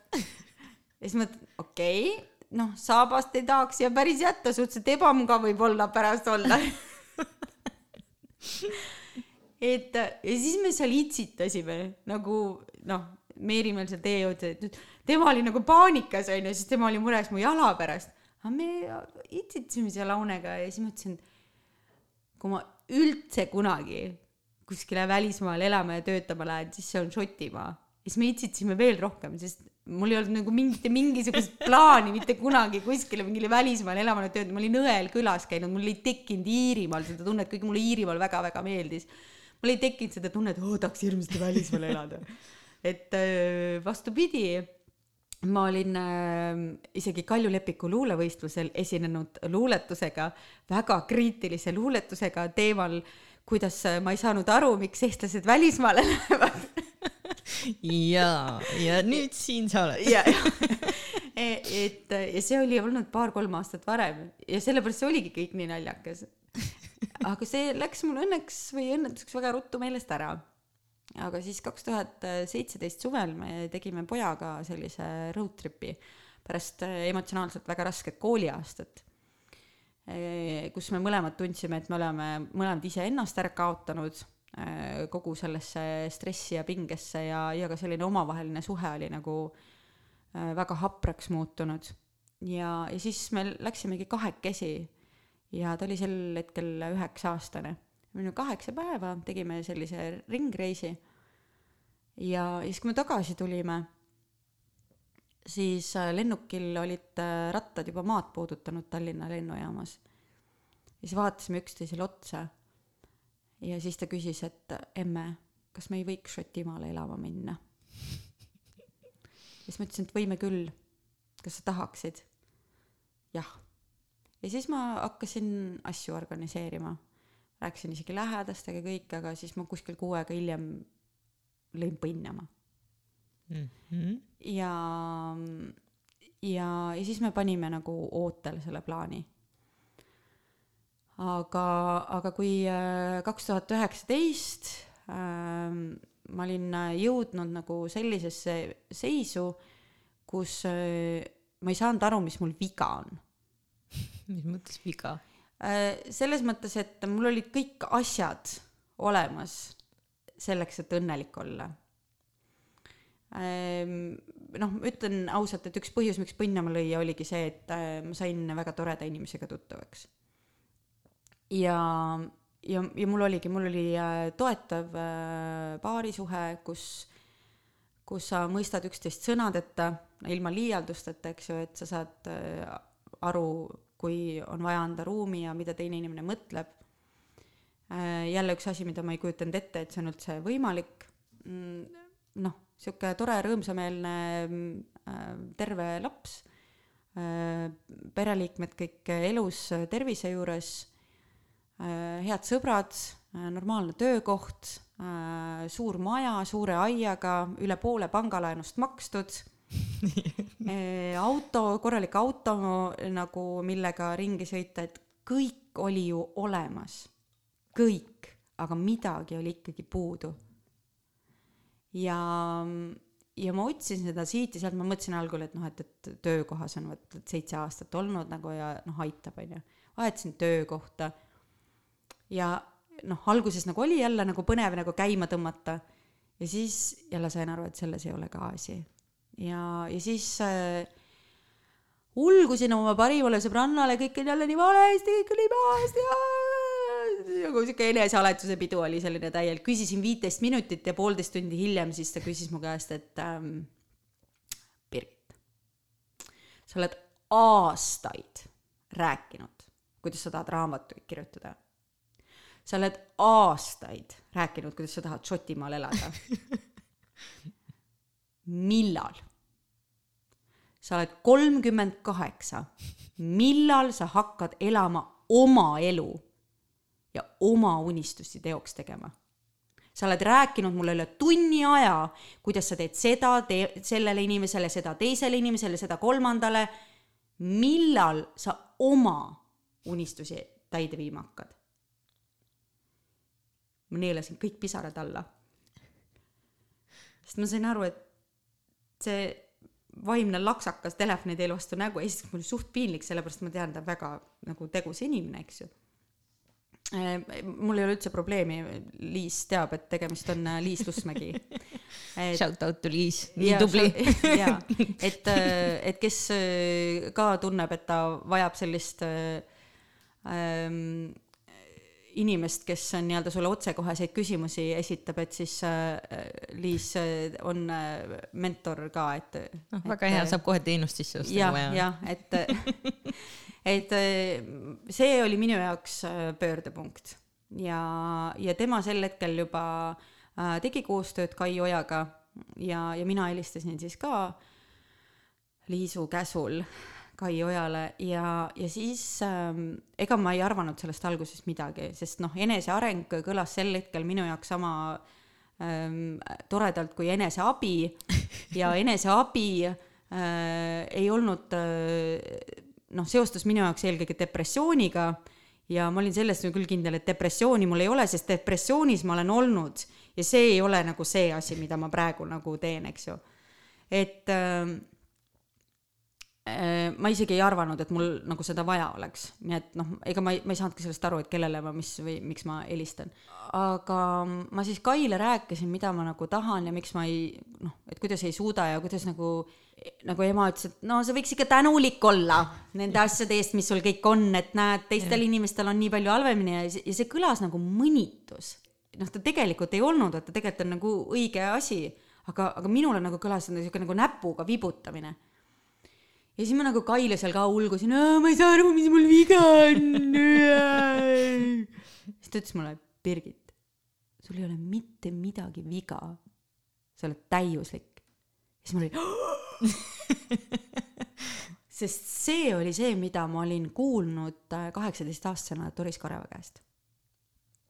juhuseid ei ole olemas, Kaisa ehm, ma tegin keskkooli lõputöö Doris Karevast uurimustöö kirjanduses ja selle, osa sellest oli kohtumised temaga. ma olin wow. läbi lugenud kõik tema luulekogud selleks ajaks, mis olid ilmunud, läbi töötanud ja talle ilmselt avaldas see muljet. nii et ta oli nõus minuga kohtuma, me vestlesime nii tema raamatutest, loomingust, nii palju, kui ma siis oskasin küsida, ja ka elust ja inimestest ja, ja siis ühel hetkel me rääkisime midagi ideaalsusest või täiuslikkusest, et ja no siis ma ka ütlesin, aa, täiuslikkust pole olemas või ideaalsust pole olemas, no midagi nagu noh, see on nii nagu me kõik ütleme, ei no nii nagu kõik, mis ei ole ainult tiinekas, see meil nagu ku, mine praegu kuulad ka kõik ütlevad, et täiuslikkust pole olemas, eks ju, et mhm. et ja, ja, ja kes tahab täiuslikkust, et need on nagu noh, see on paha, paha, paha, kui sa tahad. ja ei, see on paha, kui sa tahad, sest seda pole olemas ja, ja siis äh, Doris Kareva ütles mulle, et, äh, et ideaalsus on eksistentsi võimalus. et me kõik äh, olemegi täiuslikud, see nüüd ei ole üks-ühele tsitaat, aga, aga see mõttekäik oli selline mm, -hmm. et kui sinul on midagi väga eluliselt olulist puudu, siis sind ei ole olemas. aga kui sul on kõik eluliselt oluline olemas siis see juba ongi täiuslikkus. ja, ja minule kaheksateistaastasena andis see sellised tiivad, et ma vist lendasin sealt kabinetist kõrvade peal välja ja siis ma rääkisin kõigile, kes kuulda tahtsid või ei tahtnud, me oleme täiuslikud, me oleme täiuslikud. mul ei olnud peale selle loo mitte midagi. ja, ja noh, loomulikult järgneva kahekümne aasta jooksul ma õppisin äh, lihtsalt vait olema ja, ja nagu äh, mõttes isegi mitte nagu enam avalikult, vaid mõttes silmi pööritama, oh, tegelikult on mingi muu variant ka olemas, kui nad hakkasid rääkima seda, et et noh, et mis sa ajad seda täiuslikkust taga. ja, ja kui Kai seda ütles, siis, siis ma teadsin, et see on minu inimene. et ta, ta saab aru, mida ma mõtlen ega ma päris hetkel, sel hetkel ei, ei saanud ise ka sellest täiuslikkuse kontseptsioonist aru, aga, aga see mõte, et, et meie ja kogu see meid ümbritsev sellisel kujul ongi täiuslik, see, see haaras ja see, see tegelikult on mind köitnud aastakümneid. ja see räägib sellest, et kui, kui olulised on sõnad, nende sisu ja, ja see, see, see pinnast nagu see sügavam minu jaoks. ja, ja see, see minu kirg, kui sa ütlesid, et ma oskan loovalt sõnu ritta sättida, siis siis need sõnad ongi seal minu kirg. et, et see, et, et neil on nagu mitu tähendust ja, ja vaadata natukene seda teist või alternatiivset tähendust ka. et ja, ja selle täiuslikkuse ma hiljem mõtestasin enda jaoks, see oli eelmise aasta augusti lõpus kuskil, me käisime lapsega looduses jalutamas ja Bob Proctor oli rääkinud seda, et miks meile meeldib looduses olla, et loodus on ju täiuslik, et kogu nende oma, oma võngetega ja sellega. et kui sa vaatad looduses ringi, et siis ja mõtled, et siis tegelikult seal ei ole mitte midagi sellist, mida sa muuta tahaksid. et noh, on need siis aastaajad. Ehm, noh, ja, ja siis ma hakkasin mõtlema, et okei okay,, soe ja külm, vastandid aastaajad, suvi, talv, põud, üleujutused, kõik on vastandid, kõik on nagu osa sellest. ja see on täiuslik, vastandid, täiuslikkus, siis, siis hakkasin mõtlema seda, et okei okay, eh,, loodus muutub kevadest, sügis, talv, pidev, ükski päev pole sarnane. Hommi-, ükski hommik pole sarnane, kõik päikesetõusud, päike tõuseb universaalselt igal pool, eks ju sa näed seda või ei näe, iga päikesetõus on eriline, samas päikesetõus kui selline on universaalne yeah.. kõik on pidevas muutumises. ja see on täiuslik, siis täiuslikkus ei ole mingisugune sihtpunkt. see ei ole Tartu südalinn, eks ju yeah., see, see autovabaduse puiestee üks või teine ots. vaid see ongi see pidev muutus täis vastandeid ja, ja see oli see, kui minu jaoks nii-öelda kõik äh, kohale jõudis. ja siis ma hakkasin mõtlema, et aga, aga tegelikult on ju ka füüsikas niimoodi, kui sa mõtled patarei peale, sa võtad äh, miinuse või plussi ära, sul ei ole patareid enam, tal on kaks vastandit. See vastand peab seal olema. Ja. ei saa olla neutraalne, ei. mõtle mitte midagi, ei täpselt, ole positiivne ega negatiivne. ja, ja, ja noh, et ongi ka kui sa mõtled nagu neutraalsuse peale, siis ka meie südamerütm jääb üles-alla, üles-alla, kui ta on keskel sirgjoonena, täiuslikult sirge südamerütm. no siis ongi täiuslikult, äh, enam ei ole. noh, siis on äh, sinu äh, kallil vanaisal on ja. täiuslik südamerütm praegu, eks ju. et äh, ja, ja üks äh, lihtne asi veel, mis vot selle üle ma olen täiesti uhke, et ma selle peale tulin nii sul paberit on seal ei ole? ei ole. joonista laua peale, siis ma annan su pastaka. nii. kirjuta plussmärk. oota, mis siit leidsid? leidsid ühe pastaka. nii, kirjuta pluss. nii, ja nüüd sama asi, aga kirjuta nii, et sa sinna miinust sisse ei kirjuta nii ei saa ju igas plussis on miinus olemas. sul ei ole plussi, kui sul miinust seal sees ei ole mulle meeldib alati see mõte, mis on nüüd siis minu ajus on ju, et mille mina siis oma läbi kunsti nii-öelda välja mõtlesin, see sama see vastandlikkuse teema tegelikult on mind ka kogu aeg paelunud, et ongi see, et sa ei saa, sa ei saa olla üdini õnnelik, kui sa ei tea, mis tunne on olla üdini õnnetu ja, ja sa ei oska hinnata seda õnnelik olemist, kui sa ei ole olnud kunagi õnnetu. Ja et seda, et et mis siis on, et kui me nagu ihkame seda täiuslikkust, aga see täiuslik ühiskond on see hall mass täiuslik ei ole mitte see, et äh, sa oled üli-üli-üliõnnelik, sellepärast et see üli-üli-üliõnnelik muutub sinu jaoks väga igavaks. ehk kui sul nagu elus puutub äh, see vastandlikkus nii-öelda mm. onju, mis selle asja põnevamaks teeb, siis sa ei oska ühte ega teist äärmust üldse hinnata, sest sul puudub nagu see võrdlusmoment sealjuures et mõnes mõttes see võrdlus või, või vastandlikkus annab sellele ka selle mõõtme, et kui täiuslik või kui ebatäiuslik siis see tegelikult on su jaoks. ja see, selles mõttes see ja, ja see hall mass on te, tegelikult äh, ka tinglik, et tegelikult see, see mass võib olla ka, et see, et kõik on kollased, on ju. ja, ja, ja siis, kui sa oli, ise oled ka kollane, et siis sa lihtsalt ei paista sealt välja. et, äh, et see on, see on see mingisugune kriitiline piir et äh, noh, näiteks äh, mulle hall väga meeldib, sellepärast et oranž paistab selle taustal väga hästi välja. kõik värvid muideks paistavad halli kõrval väga palju kirkamad välja, see ongi ja. halli eripära. noh, et äh, see on, see on väga hea, et on, on olemas selline hulk inimesi, kes, kes soovivad sulanduda, et ega mul on ka see salajane soov, see on see kuulumise vajadus, mis paneb meid sulanduma et äh, ma viskan ise ka selle üle nalja, et äh, kui, et äh, ega see juuksevärv on mul ammu juba vihjanud sellele, et ma peaksin Šotimaal elama. Hinges juba soovisid olla ja, seal nende sama käisin, omasuguste hulgas. Ja, ja siis käisin juuksuri juures, et kuule, tee mulle midagi sellist hullu onju et äh, ja, ja siis seal ka nagu ütlevad, et oo, et kas on nagu, et teinekord küsivad, et kas see on päris või niiviisi siis ma ütlen, et äh, ma väga sooviksin, et oleks niimoodi, et päris on ikka see Eesti mõnus kartulikoor või? noh, nagu kaunis, kaunis kulmukaar ma ei tea, minu arust su kaunis kulmukaar on sama oranž kui su pea. noh, siis nii ongi täpselt, et seal nagu pole eriti nagu vahet aga ma korra küsin, me oleme nüüd hästi palju nagu rääkinud äh, siit-sealt Šotimaast mm., äh, kirjanik olemisest ja kõigest muust ka, aga me ei ole seda ühte küsimust küsinud, mida ma tavaliselt küsin, et äh, mis on sinu jaoks loovus? minu jaoks loovus on enese väljendamise viis. ja see on, ta iseenesest on universaalne, aga kõigil unikaalne. ja ja mõnel avaldub see kirjutades, sinul kirjutades ja joonistades. Ehm, ma julgen öelda, et loovuse koha pealt üks minu eeskujudest on äh, mu ema, kes oli viiskümmend viis aastat matemaatikaõpetaja.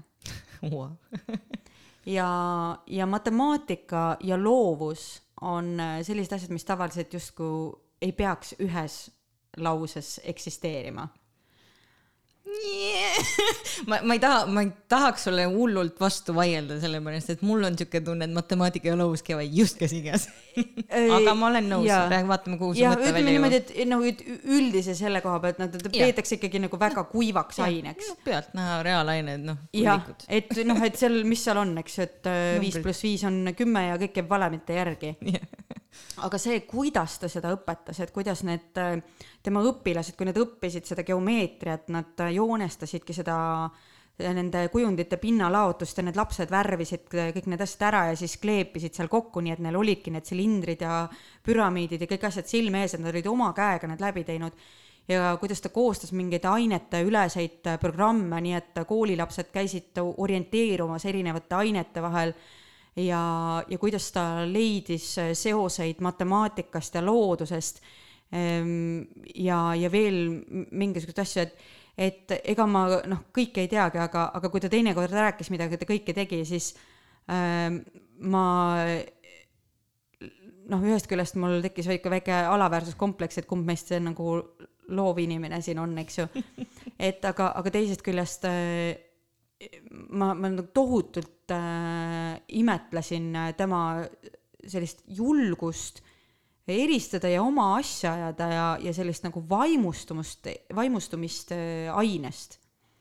ja, ja seda usku õpilastesse ja näed, selle oma on see tugev, see, tal on see tugevus ja tal on nagu need, et, et ta nagu nägi neid õpilasi läbi, et seda pani seda tegema ja seda pani seda tegema ja ja siis, kuigi mõni ei viitsinud, et siis, siis ütles, et aga sina teed seda asja, siis tuli välja, et sellele õpilasele hakkas see asi meeldima, et et ähm,. ta oskas siis loovalt õpetamisele läheneda ja, ja oskas neid asju nagu enda kasuks tööle panna. ja, ja kindlasti ja, ja noh, ongi see laste ja noortega nagu töötamine, et et lapsena mul oli äh, väga raske leppida aeg-ajalt, et äh, ema jaoks on koolilapsed tähtsamad kui oma lapsed, et kogu aeg on tal mingi koolilastega Äh, aga mida vanemaks ma sain ja mida rohkem oli neid täiskasvanuid, kes tulid juurde, ütlesid, kas Maie Itse on sinu sugulane, siis äh, seda, seda uhkem äh, tunne mul oli, et, et ma sain aru sellest, et ta on õpetajana hästi-hästi hinnatud. Ja, ja noh, mis seal salata tema nimi on ka mulle ajakirjanikuna avanud nii mõnegi ukse. Nonii no see on alati abiks ikka onju.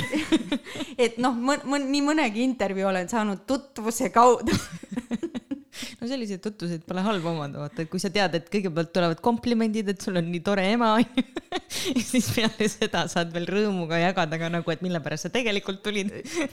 No tegelikult seal oligi alguses noh, et nad ei ole nagu tahtnud anda ja siis intervjuud rääkides, aga siis no perekonnanimi on sama veel ja, ja siis kui kuulis, et jah, on küll sugulane, et suisa ema, et ja siis oi, ta oli mu õpetaja või, või noh, nüüd siis tuleb välja, et, et minu sõbranna ema oli minu ema õpetaja nagu on ikka päris mitu generatsiooni õpetajaid ja, ja, ja õpilasi. ja, et siis äh, jälle tuleb see nagu toredad seosed välja, et juhuseid ei ole olemas. kui ma küsin su käest, et äh, mis on sinu esimene mälestus, äh, mis sul seondub loovusega, siis mis see oleks? Ma, ma arvan, et ma räägin seda baleriini lugu selles mõttes, et see, see, see, see noh, ma võin muidugi rääkida ka kirjutamise lugu, seda, kuidas ma juba algklassides kirjutasin kirjandeid äh, äh, mille kohta, mis, mida mulle õnneks ei lastud ümber kirjutada. Aga äh, klassijuhataja ja siis emakeeleõpetaja käisid emale näitamas, vaata, kuidas su laps kirjutab, vaata kas see oli nagu hea vaata või see oli nagu, et issand jumal, mis siin juhtus? ma ei tea, sest ma, ma ei küsinud, et e, no ühesõnaga nõukogude standardid nägid ette seda, et on sissejuhatus, loo arendus ja teema lõpp, eks ju, kus on kokkuvõte. aga minul oli kombeks juba algklassides lõpetada kirjandeid küsimustega või panna sinna mingisuguseid selliseid lauseid noh, ja kuidas see lugu võiks edasi arendada, jääb juba lugeja otsustada. See on nagu juba tüüpiline kirjaniku või selle ajakirjaniku lõpetus.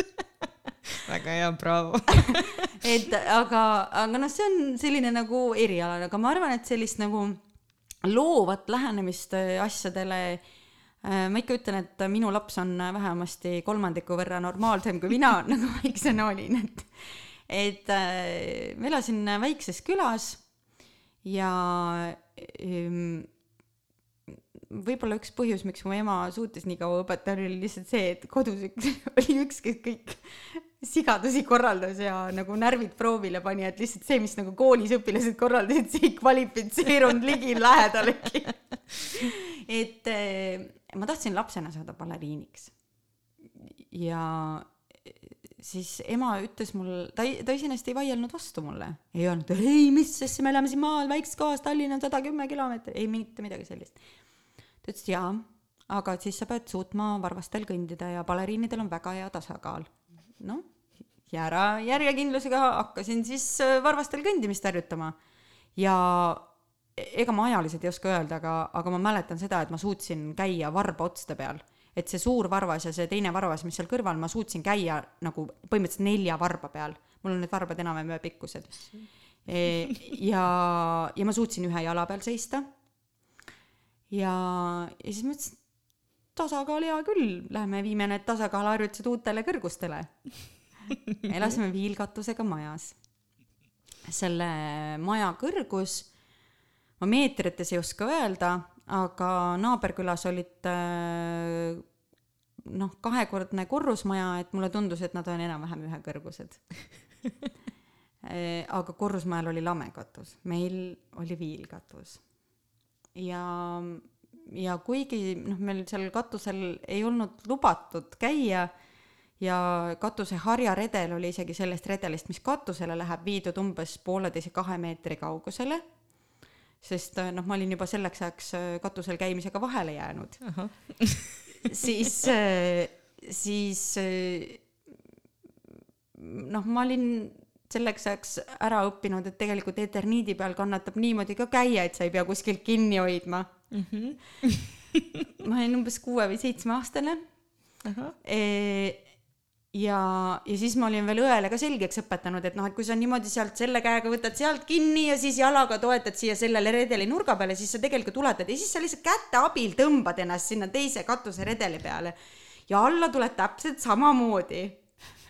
noh, kui, kui mina olin näiteks kuus või seitse, no siis õde mul võis olla mingi viiene mm,. toredaid asju õpetasid juba oma kõik, kõik elu, eluks vajalikud oskused. ja, ja siis äh, ema oli poes pood oli umbes poolteise kilomeetri kaugusel.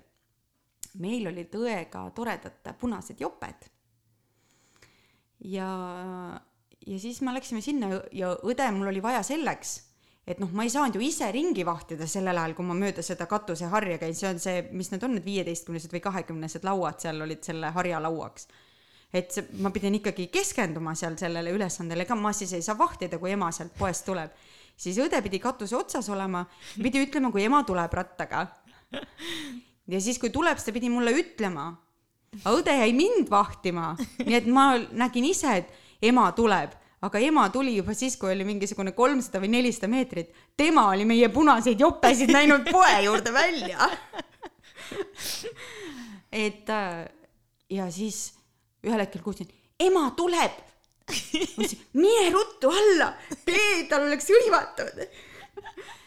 aga mina olin katuse teises otsas mm. -hmm. ja mul hakkas jube kiire korstna jala taha. siis ma mõtlesin, aa, ma saan siia korstna jala taha peitu, siis ma hoidsin niimoodi kahe käega sealt korstnast, vaevalt käed ulatavad ümber selle korstna jala. jalgadega toetasin sinna selle eterniidi peale. hoidsin kahe käega kinni. ja siis, siis kui mina alla jõudsin, siis ema ei räägi mitte midagi. ta on väga vaikne.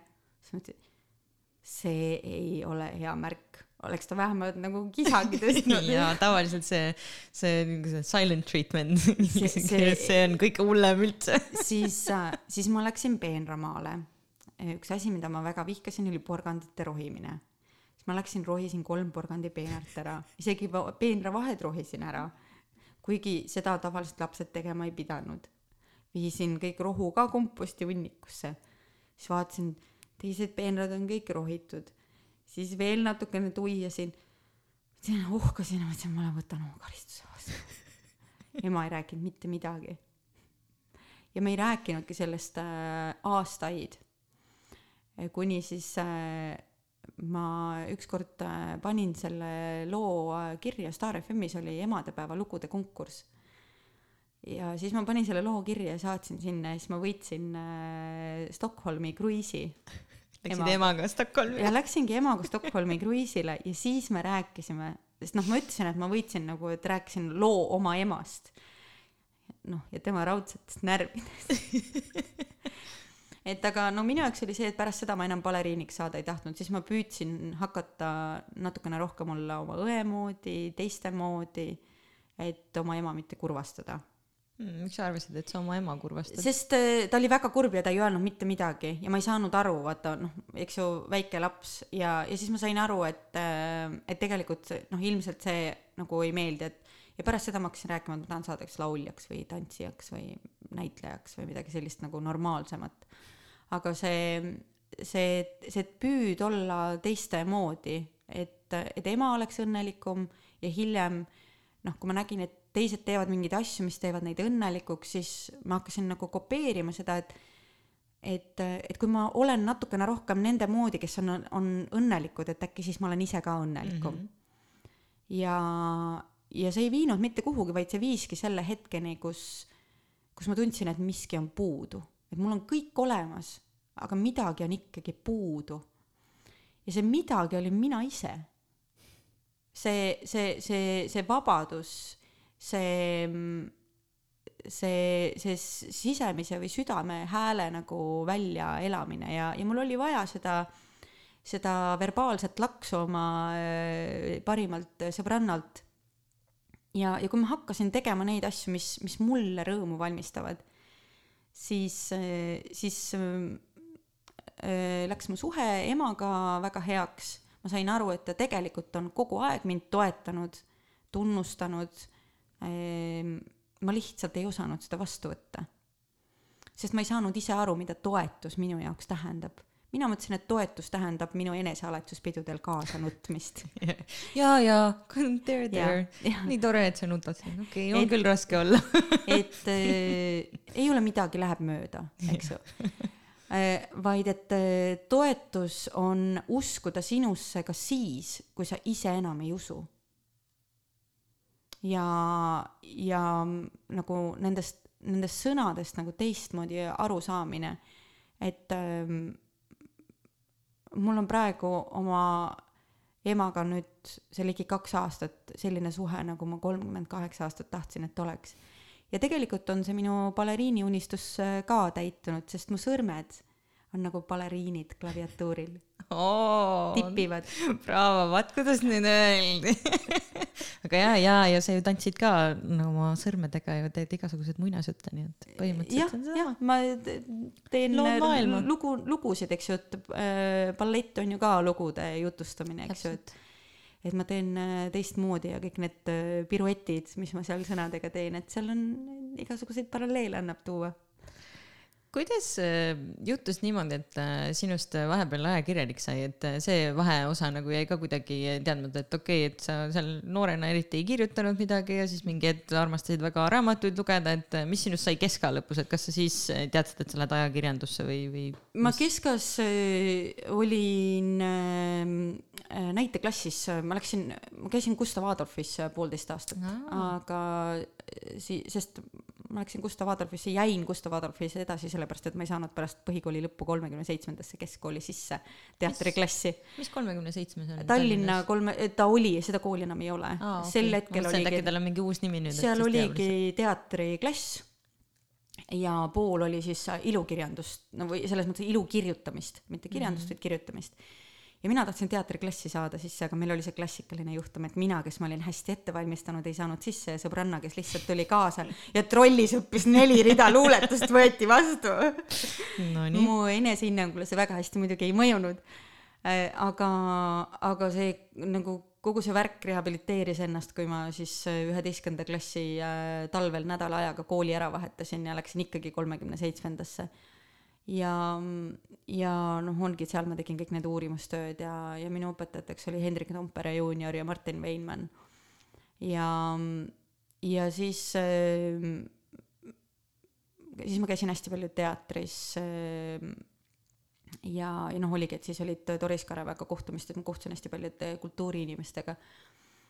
ja ja kogu see mõttemaailm nagu avardus, et ma arvan, et tänu sellele, et ma olin kolmekümne seitsmendas ja ka see, et ma käisin äh, Naissaarel giidiks äh, pärast üheteistkümnendat klassi äh, alates, siis see küpsetas mind sedavõrd heas mõttes, et mind võeti pärast keskkooli ähm, siis oli ta Tallinna Pedagoogikaülikool, nüüd on äh, Tallinna Ülikool, raadiorežiisse sisse.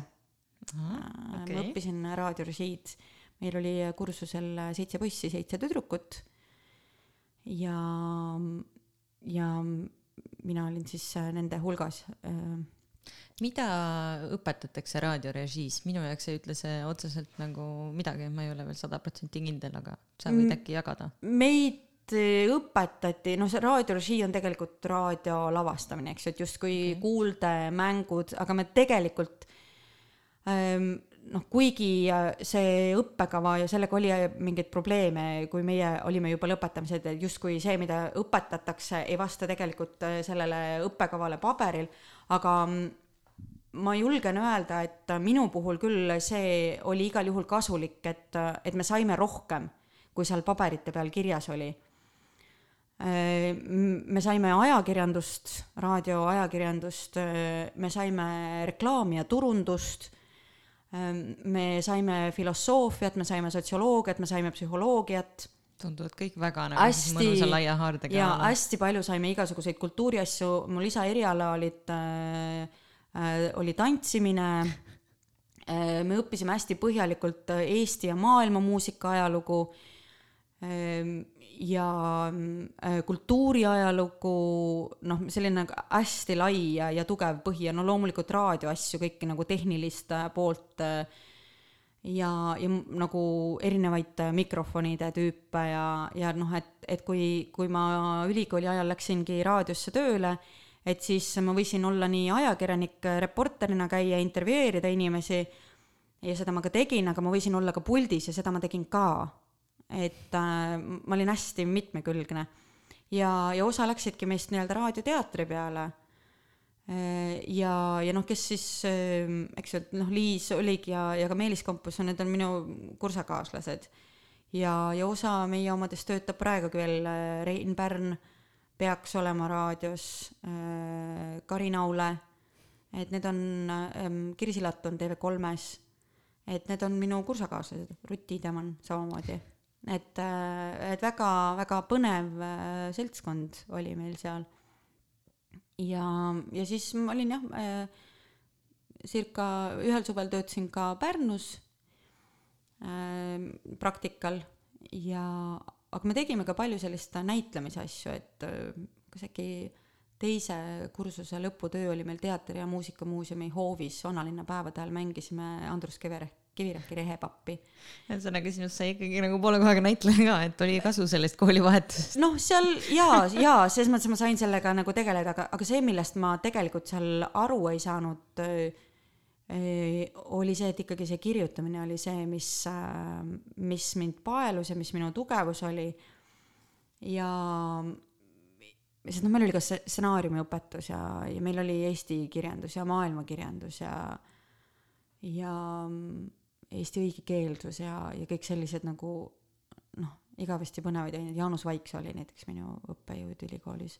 et äh, hästi, hästi põnevate inimestega sai nagu kohta, Rein Ruutsoo andis meile sotsioloogiat mingi hetk.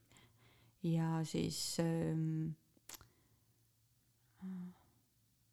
jah, et hästi-hästi-hästi tore aeg oli, et äh, ja ja kui ma olin kuus aastat umbes raadios ära töötanud, siis ma lihtsalt sai Tallinnast kopp ette ja siis ma kolisin Järvamaale Järvamaal ei olnud siis ühtegi raadiot või?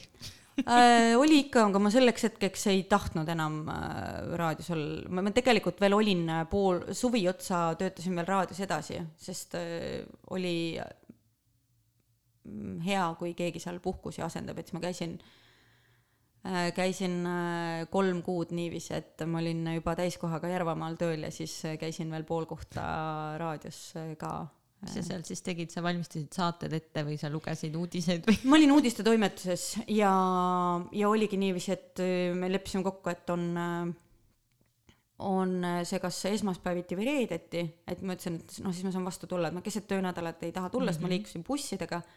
et teeme kas esmaspäev või reede ja, ja siis äh, Järvamaal töötasin kohalikus omavalitsuses, et, et äh, vallavanem ütles ka, et noh, et, et see on okei okay,, kui sa jõuad esmaspäeval või noh, lähed, eks ju, reedel natukene varem.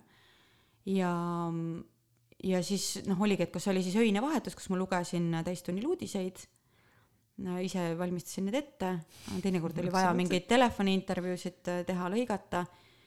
või siis, kui oli kahekümne nelja tunnine vahetus, et siis käisin ka näiteks reporteriks ja siis jäin öisesse vahetusse ja siis läksin hommikul tagasi. Kõlab nagu väga siukene keeruline töö üldse, kus ma ei tea, ma mõtlen, et raadiotööd on ju, et lähen teen paar tundi tööd, aga mis kahekümne nelja tunnine vahetus, ega see mingi arst ei ole ju. Kuidas see asi nagu välja näeb, see kõlab nagu mingi totaalne košmaar. uudised olid otse-eetris ja selle tunniga vahepeal siis äh, oli ikkagi, vaatasin erinevaid äh, neid äh, kanaleid, seal oli ka väikseid asju, et, et, et sai nii-öelda lugeda midagi või noh, süüa rahulikult vahepeal, eks ju. kuulata, mis teised olid vahepeal äh, teinud. aga noh, lihtsalt täistunnil tuli eetris olla ei, keerulist ei olnud seal midagi, ise lükkad oma heeblid üles ja nupud alla ja. ja no hea, et ma siingi oskan neid heibleid üles ja alla. sul on nii vähe. no täpselt noh, mulle sellest piisab no mis on tegelikult naljakas, arvestades seda, et ma olin laulja väga pikalt onju, siis tegelikkuses ma kunagi ei õppinudki päriselt ära peale selle, kuidas endale reverbi peale tõmmata ja, ja, ja seda volüümi nagu sättida, et kuidas see asi nagu päriselt käib. et ma sain juhtmeid ühendatud, aga Aha. ülejäänud tegid minu eest poisid. mulle tohutult äh, meeldis see, kui me tegime neid ähm, ülikooli ajal neid äh, asju, ma tegin seda pärast äh, hiljem ise kodus ka selle vabavaraga, nii palju kui see võimalik oli. Kuidas sa said teha niimoodi, et sul sammud tulevad vasakust kanalist ja siis lähevad paremasse kanalisse või, või mingi heli ja, ja siis neid sagedusi seal muuta, mulle nagu noh, täiega meeldis. ei, see on väga põnev maailm, maailm, mida ma olen praegu pidanud väga palju avastama, arvestades seda, noh, see on ka jälle telgitagused on ju, et siin lõpetame lindistamise ära, siis läheb ju töö edasi, ega mul selle jaoks ei ole mingit oma mikit, kes teeb, on ju, et alguse asi, et tuleb ikka kõik ise kõigepealt selgeks õppida, siis võin seda hiljem nagu ära delegeerida aga see on selles suhtes küll jah, hästi nagu põnev äh, ja niisugune käeline oskus. aga ma just mõtlen nagu seda, et okei okay,, et see raadiotöö on ju, sellega said ühele poole, siis läksid sinna linnavalitsusse või vallavalitsusse Mhm. tööle on ju. mis siis edasi sai, et, et kus, kus nagu see kirjaniku osa nagu ei no tuleb seal, nagu välja, ongi ainult mingi viimase paari aasta mingi teema seal kohalikus omavalitsuses oli samamoodi, sai ähm, vallalehte artikleid kirjutada ja. Aha. siis äh, siis sai ju igasuguseid projekte kirjutada ja siis sai ähm, mis ma seal veel kirjutasin, igasuguseid asju sai tekitatud. et peaasi, et endal põnev oleks olnud Ja, ja, ja, ja, ja. mis see põhitöö oli? oligi kohalikus omavalitsuses, ma olin kultuuritöötaja mm., et äh, ja aa, siis oli ürituste stsenaarium, siis ma juhtisin näiteringi, seal oli ju nii palju asju, mida sa said kirjutada. ja noh, uudistetoimetuses oli ka tegelikult see uudise sa kirjutasid ise, just et uudise kirjutasid ise ja kandsid ise ette. ja, ja noh, oligi, et kui ma Järvamaale nagu tagasi kolisin, noh siis ma hakkasin tihedamalt sahtlisse kirjutama mis sa sinna sahtlisse kirjutasid? Eh, oli luuletusi, aga oli ka selliseid öö, looduses nagu märkamise asju, et kus, kus ma lihtsalt istusin teinekord koduõuel ja, ja vaatasin ja siis hakkasid nagu või käisin jalutamas ja siis hakkasidki nii-öelda mõtted jooksma. Siis ma jooksin ruttu tuppa ja panin kõik järjest kirja, et öö, et sellised mõtisklused, luuletused, sellised asjad.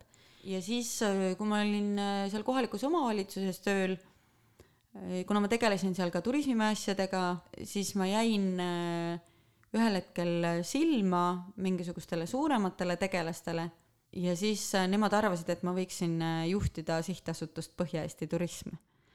Ega ma ise nagu väga vä, ja, ja ma, ega ma väga vaimustuses sellest ei ole, ma ei saanud aru, et nagu mi, mis mõttes nagu.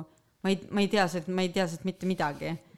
nagu kes Noh. nad on ja mis nad teevad ja ei, ma, ma teadsin nagu, kes nad on ja, aga et nagu, et kas teil kedagi paremat ei olnud siis aa, et kas nagu, aga noh, neile nagu nende arvates ma olin väga hea sinna ja ma olin seal äh, natukene rohkem kui pool aastat, siis äh, ma võtsin emaduse rolli äh, ja, ja pärast seda ma läksingi äh, Vargamäele, kui põnn oli juba piisavalt suur. see on nagu Tõde ja õigus, läksin ära Varga Läksin ära Vargamäele mis on see, tee tööd, näe vaeva, siis tuleb ka armastus, läksid seda otsima? ei läinud. Seal olid mingisugused teised asjad, mulle lihtsalt tundus, et nagu arvestades, kui palju mulle lugeda meeldib mm -hmm. ja et ma nagu Tõde ja õigust sobis hästi ja, ja et see sobis äh, hästi ja ma mäletan, kuidas ma elevusest kilkasin, kui Hanne ütles, et meil oli kaks väga tugevat kandidaati. ja siis ma mäletan, et ma ei hinganud enam. ja me valisime sinu ja siis ta naeris selle peale, et ütles, noh, sellist reaktsiooni me umbes ootasimegi ja meil oli väga tore seltskond, et olidki nagu projektid ja blogid ja erinevad muuseumiprogrammid, et ma kirjutasin, aga ma kirjutasin kõiki nagu erinevaid asju.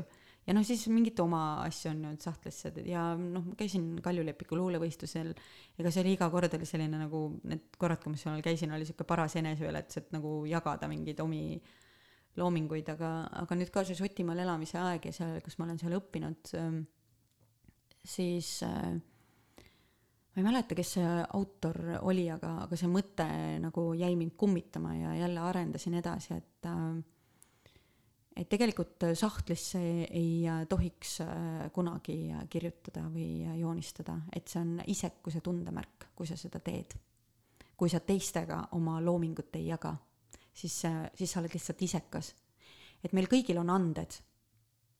mõni on väga andekas arst, mõni on äh, väga andekas sportlane, äh, mõni on äh, väga arukas ja, ja nagu tal on visioon, kuidas häid maanteid ehitada. insenerid, meil kõigil on andekus, oma tugevused.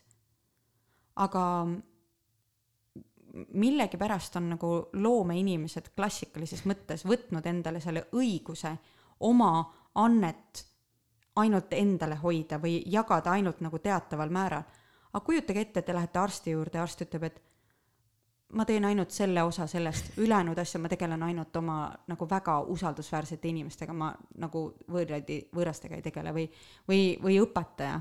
et ta õpetaks ainult noh, valiks, keda ta õpetab aga loomainimesed tihti on ju see, nad valivad, mhm. kellele nad näitavad, kellega nad jagavad seda asja. Ehm, ja me unustame loomeinimestena ära selle, et seda loomingut on vaja. kujutage ette lauljaid, kes laulaksid ainult oma lähedastele, kui palju vaesem või heliloojaid, kes, kes nagu ainult, kui palju vaesem oleks kogu meie kultuurimaastik, kui, kui näitlejad esineksid ainult oma pereliikmetele. ainult kodus suletud uste ja, taga. täpselt, täpselt. monotükk. jah no,. mina või, ja minu mõtted. no või noh, kui on mõlemad näitlejad või näiteks on näitleja või režissöör, no siis saab natukene no. rohkem, eks ju. kui veab, satuvad kokku. et, et, et see looming on mõeldud jagamiseks ja, ja ma saan aru sellest äh, kriitikahirmust, aga täpselt samasugust äh, kriitikahirmu kogu aeg ka seesama õpetaja, kes läheb klassi ette yeah.. ka arstile võidakse öelda halvasti, et te olete nii loll ja saamatu. et, et see tegelikult see, see, see hirm kriitika ees on olemas kõikides inimestes, sõltumata ametist. ja, ja nagu noh, kuidas see siis saab olla niimoodi, et loomeinimestel on see justkui nagu tugevamalt äh, välja arenenud, et, et see on tegelikult see otsustamise küsimus. Ehm, üks äh, inimene, kes mõjutas mind väga palju, miks, miks ma tegin näiteks oma Instagrami konto avalikuks, kuhu ma hakkasin kirjutama nii-öelda see, see õnneliku teekonna raamat on ju Instagramis kirjutatud mm. -hmm. et äh, et ma kirjutasin samamoodi seda salajase blogina alguses. Mi-, mitte kellelegi, privaatne see oli, et panin oma pildid ja tekstist, sest tung kirjutada oli tugevam kui äh, võimekus sellele vastu võidelda.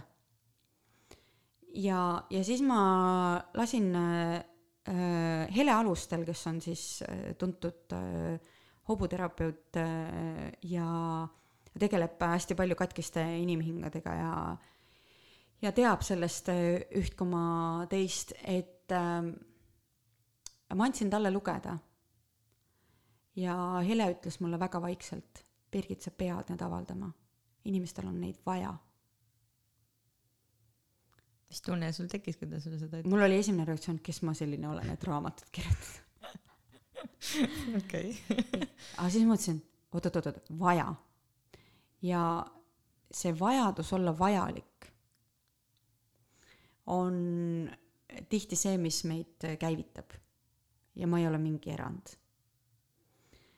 see, see teadmine, et neid võiks päriselt vaja minna, et, et kellelgi teisel võib olla parem ja ta äkki ei pea kolmkümmend kaheksa aastat äh, ootama ja mõtlema, et äh, tema isiklik õnnelik teekond on see, mis on tema nii-öelda südikus, tema südame hääl, eks ju, mulle meeldib see sõna südikus yeah., see tuleb sellest südame julgusest et, et see seisneb tema südikuses elada ja kuulata oma seda südame häält.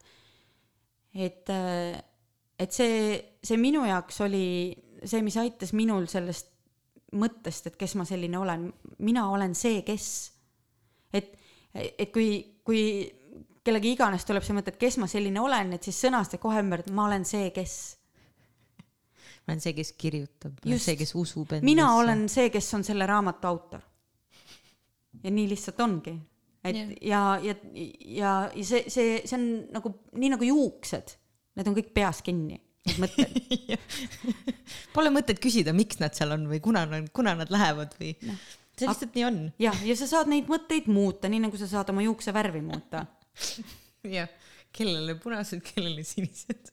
mul on valged laigud ka sees ma olen kindel, et mul on mõni valge karu ka seal, aga see ei ole vist, see vist, see ongi eripära, see on ju tore. jah, aga, aga see, see enda jaoks nagu ümber mõelda ja, ja samamoodi on kogu selle loominguga.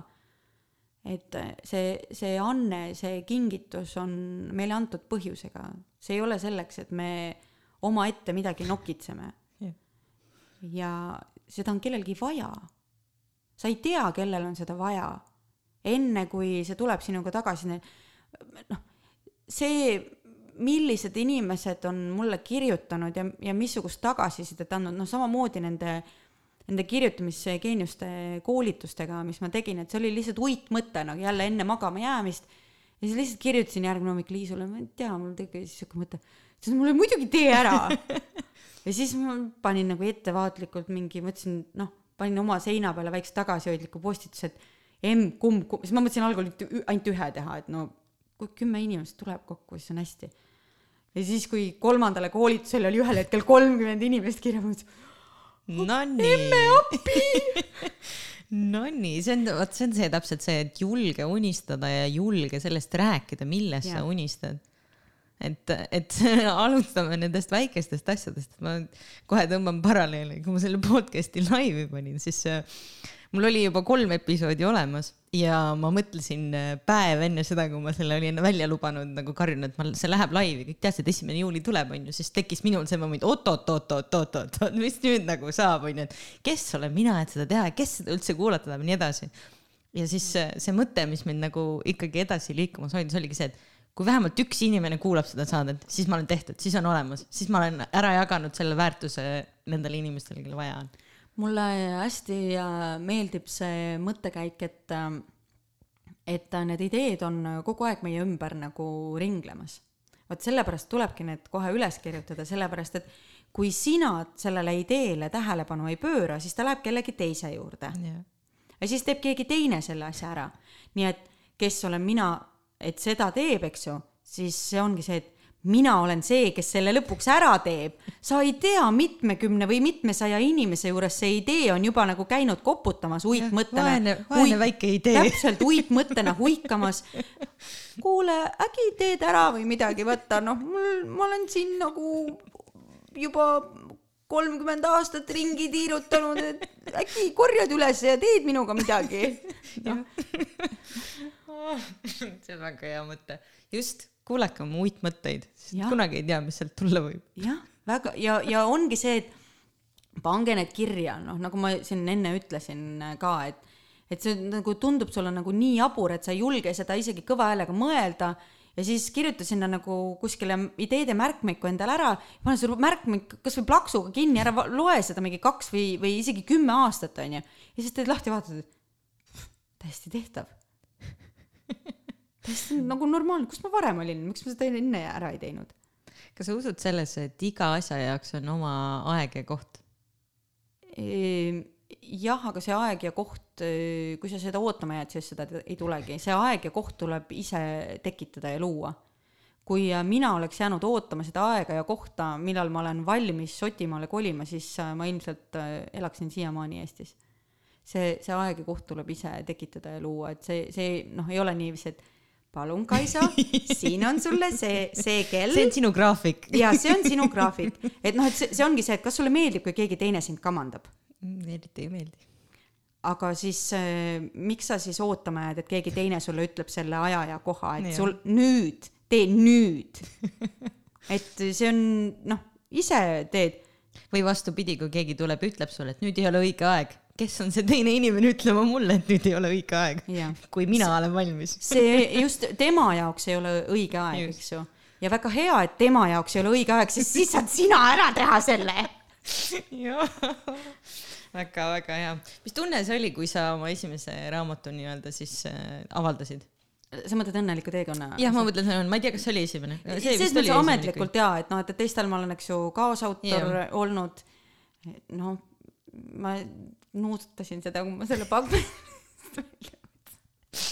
sest ma kõik nagu ütlesid, et sellel uuel raamatul on mingi lõhn ja siis oli jah Türgi lõhn juures. no vot, aga muidugi noh, iga kord mul on nad kodus on ju välja pandud, et et eks ta on natukene selline uskumatu, siiamaani uskumatult äge ähm, ja, ja see, see tagasiside, mis selle raamatule tuleb ähm,, selline nagu tänuklomp on kurgus absoluutselt iga kord, kui inimesed kirjutavad, et äh, või saadavad pilte, et kus see neil kodus on, et äh, ähm, on siis selline Kelle- tunne, et, et sa oled nagu korda läinud või et sa oled midagi ära teinud, millest sa isegi võib-olla nii hästi aru ei saa. ma, ma lihtsalt mõtlen nendele helesõnadele, et, et küll on hea, et meil on selliseid äh, tarku inimesi meie seas, kes, kes meenutavad sulle seda, et äh, mida sa nagu tegema pead. ja ehm, noh, kindlasti ma õppisin sellest äh, protsessist äh, midagi ja, ja see on andnud mulle praegu sellise julguse ja arusaama, et mida ma edasi äh, tahan teha, et äh, et äh, et kuidas töö käib praegu selles suunas, et leida järgmisele raamatule agent ja, ja siis ikkagi nagu kirjastus, kes Suurbritannias selle asja välja annab, et et kogu selle süsteemi endale selgeks tegemise, sest noh, selle raamatu andis välja Eesti kirjastus, eks ju, ja ja see lugu nagu selle taga mm, noh, läheb väga hästi Suurbritannias et aga, aga minu jaoks nagu järgmine loogiline samm noh, ongi, et siin ma juba tean, kuidas nagu seda välja teha, on ju, et see enam ei ole huvitav, mul peab nagu huvitav olema põnevast on vaja. jah, et äh, ei- ja noh, et ongi, et teiste raamatuid ma olen juba ka nagu kirjutanud ja noh, seda ma teen edasi, sest need lood on iga kord erinevad. Aga et nii-öelda järg sellele, sellele õnnelikule teekonnale ja teistele asjadele, mida ma teen, et, et ikkagi mõte on äh, see, et äh, nii-öelda traditsiooniline kirjastamine, kuigi noh, see see isekirjastamine on, on seal, on noh, rahvusvahelisel tasandil tohutult, tohutult populaarne ja see on väga-väga lihtne panna raamat äh, Amazoni või Ingram Sparksi äh, müüki, noh, põhimõtteliselt nelikümmend kaheksa tundi ja sul on raamat avaldatud, eks ju mm. -hmm ja, ja noh, ongi, on neid, kes kirjutavad äh, aasta jooksul viis raamatut ja teevadki seeriad äh, ja, ja sealt on see jutt, et kirjanikud on vaesed, see on nagu, no kõik loovinimesed on ju vaesed, kõik on nälgivad, me kõik nälgime siin. aga siis järelikult ei oska küsida. jah, et siis ma küsin, et miks te siis, et kui te tahate, et, et siis palun. et äh, kui see käib selle imagoga kokku, siis äh, aga ma lihtsalt tu- tuletan meelde, et äh, äh, Guinessi rekordite raamatus äh, on äh, ka J.K. Rowling kui äh, maailma esinemine, esimene kirjanikust miljardär Nonii, ja, ja tema lugu oli ka selline, et ta kirjutas Edinburgh'i Mhm. kohvikutes äh, oma Harry Potterit ja seda lükkas ka vist kolmteist kirjastust no ikka lükkas. päris palju ja, ja, tal ikka 13 läks aega enne kui ta. aga, aga seal on ka, eks ju, et, et kuidas see üksikemast kes oli sotsiaaltoetuste peal, kes ähm, käis kohvikutes kirjutamas selleks, et sellel ajal, kui laps koolis oli, oli tal küte ja elekter nagu maas, selleks, et arvete pealt kokku hoida. Et kuidas sellest naisest sai siis maailma esimene miljardärist kirjanik? mõtle, kui palju südikust selleks vaja on. jaa, ja, ja noh, nüüd äh, paljud ei teagi, et ta kirjutab äh, ka pseudonüümi mee-, meesterahvana, kirjutab äh, ka täiskasvanutele mm -hmm. romaane.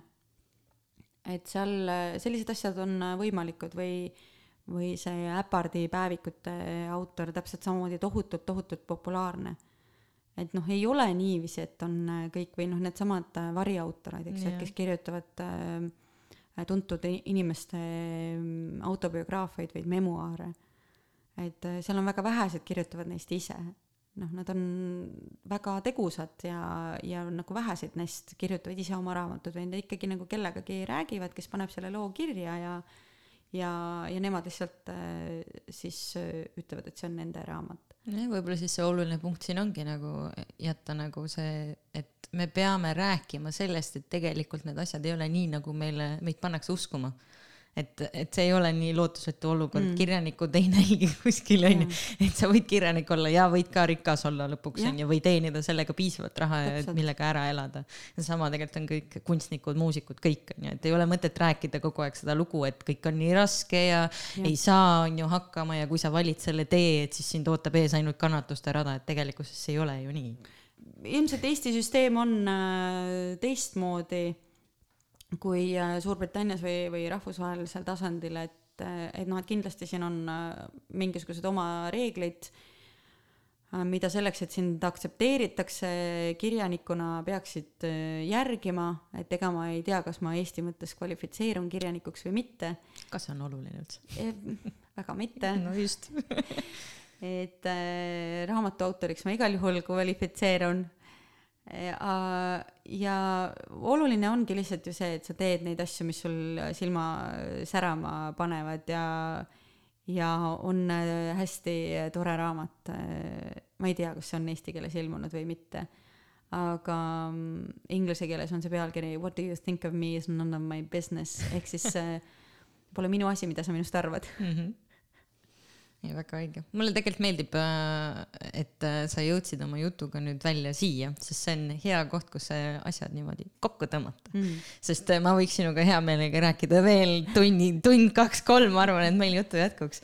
aga et noh ma tean, et sul on vaja minna ja mul on mingi hetk vaja minna. ja no kindlasti tahavad äh, kuulajad ka kedagi teist vahelduseks äh, kuulata. ah, mis asja, kuule, mul on siuke tunne, et, et nad hea meelega kuulavad veel ja veel ja veel. et äh, kui see oleks ainult äh, siin sul aega ja mul aega, siis me võiksin rääkida pikemalt ja ma arvan, et sellised jutuajamised vähemalt selle esmase tagasiside baasil, mis ma olen saanud tegelikult on hästi vajalikud just mm. loomeinimestele, et nad kuulevadki, mis see päriselu on, et kuidas nad jõuavad nagu sinna sellesse mm. punkti.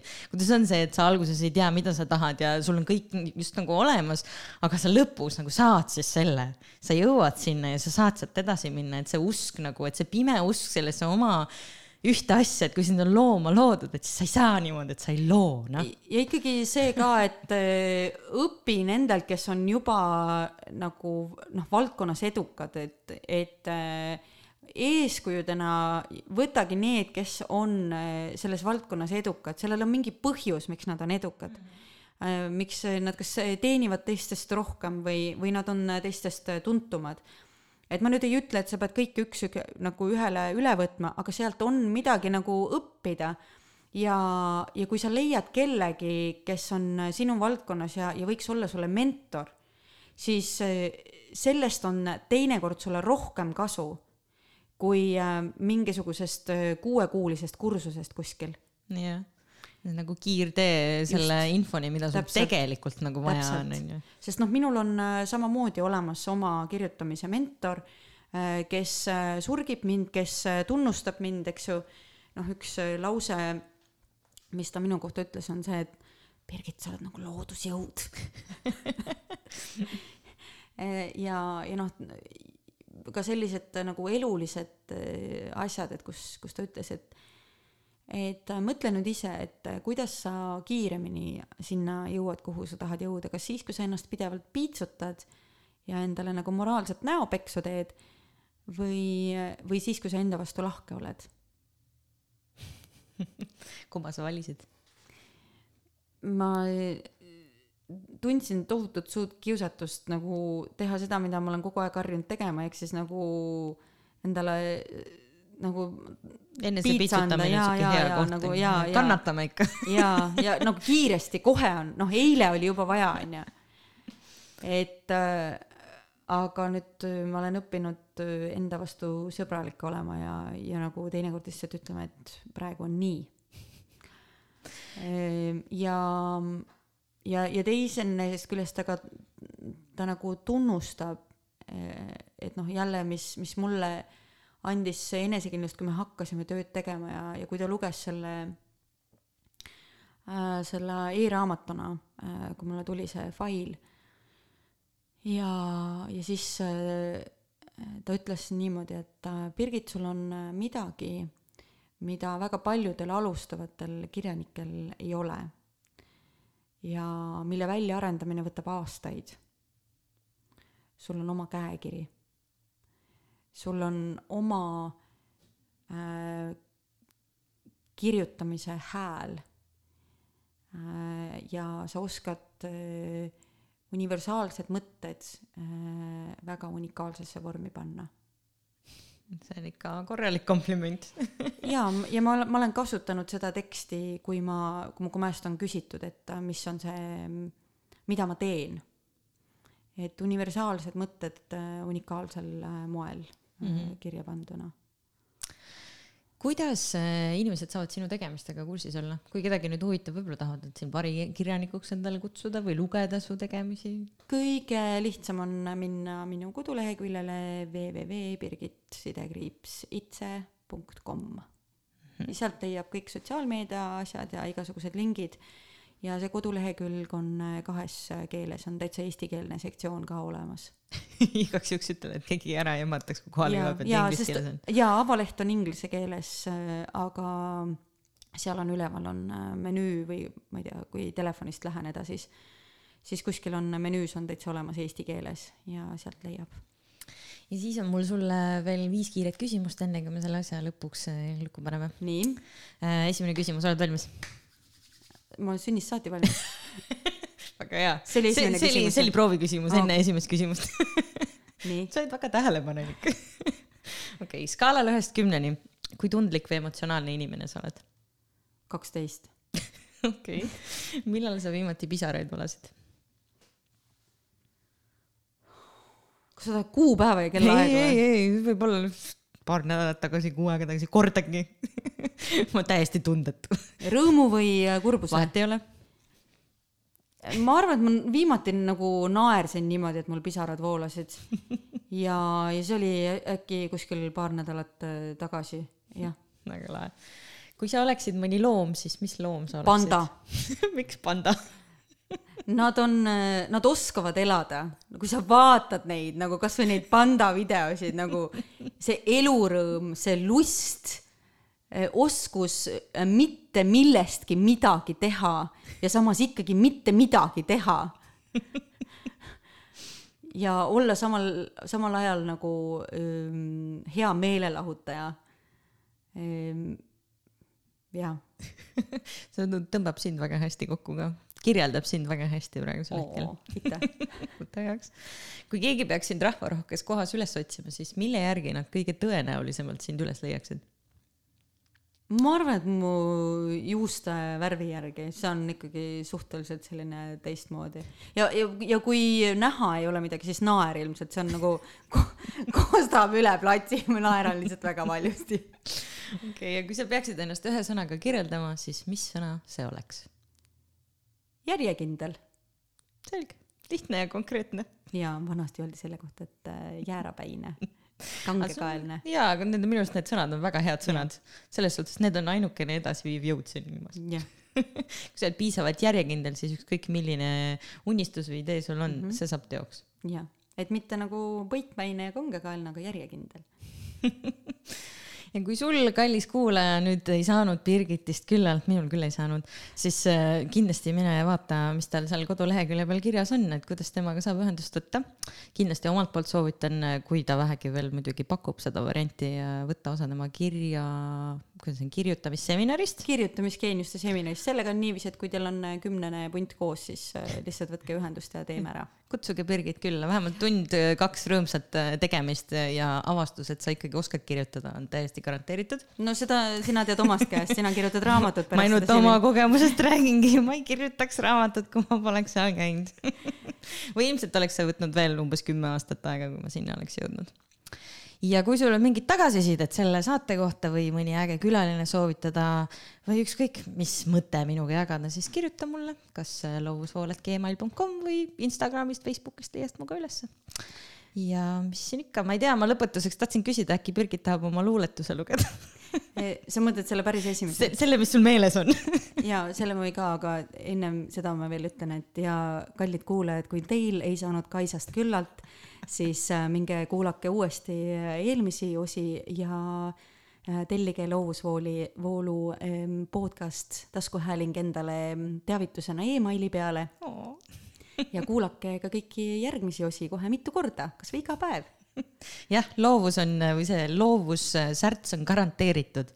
jah, ja see esimene luuletus, mille ma kirjutasin siis seitsmeteistaastasena, on selline vihm kolistab aknaplekki. tahes-tahtmata tekib mõni hea mõte, mis kahjuks sageli, nimelt peaaegu alati ummikus lõpeb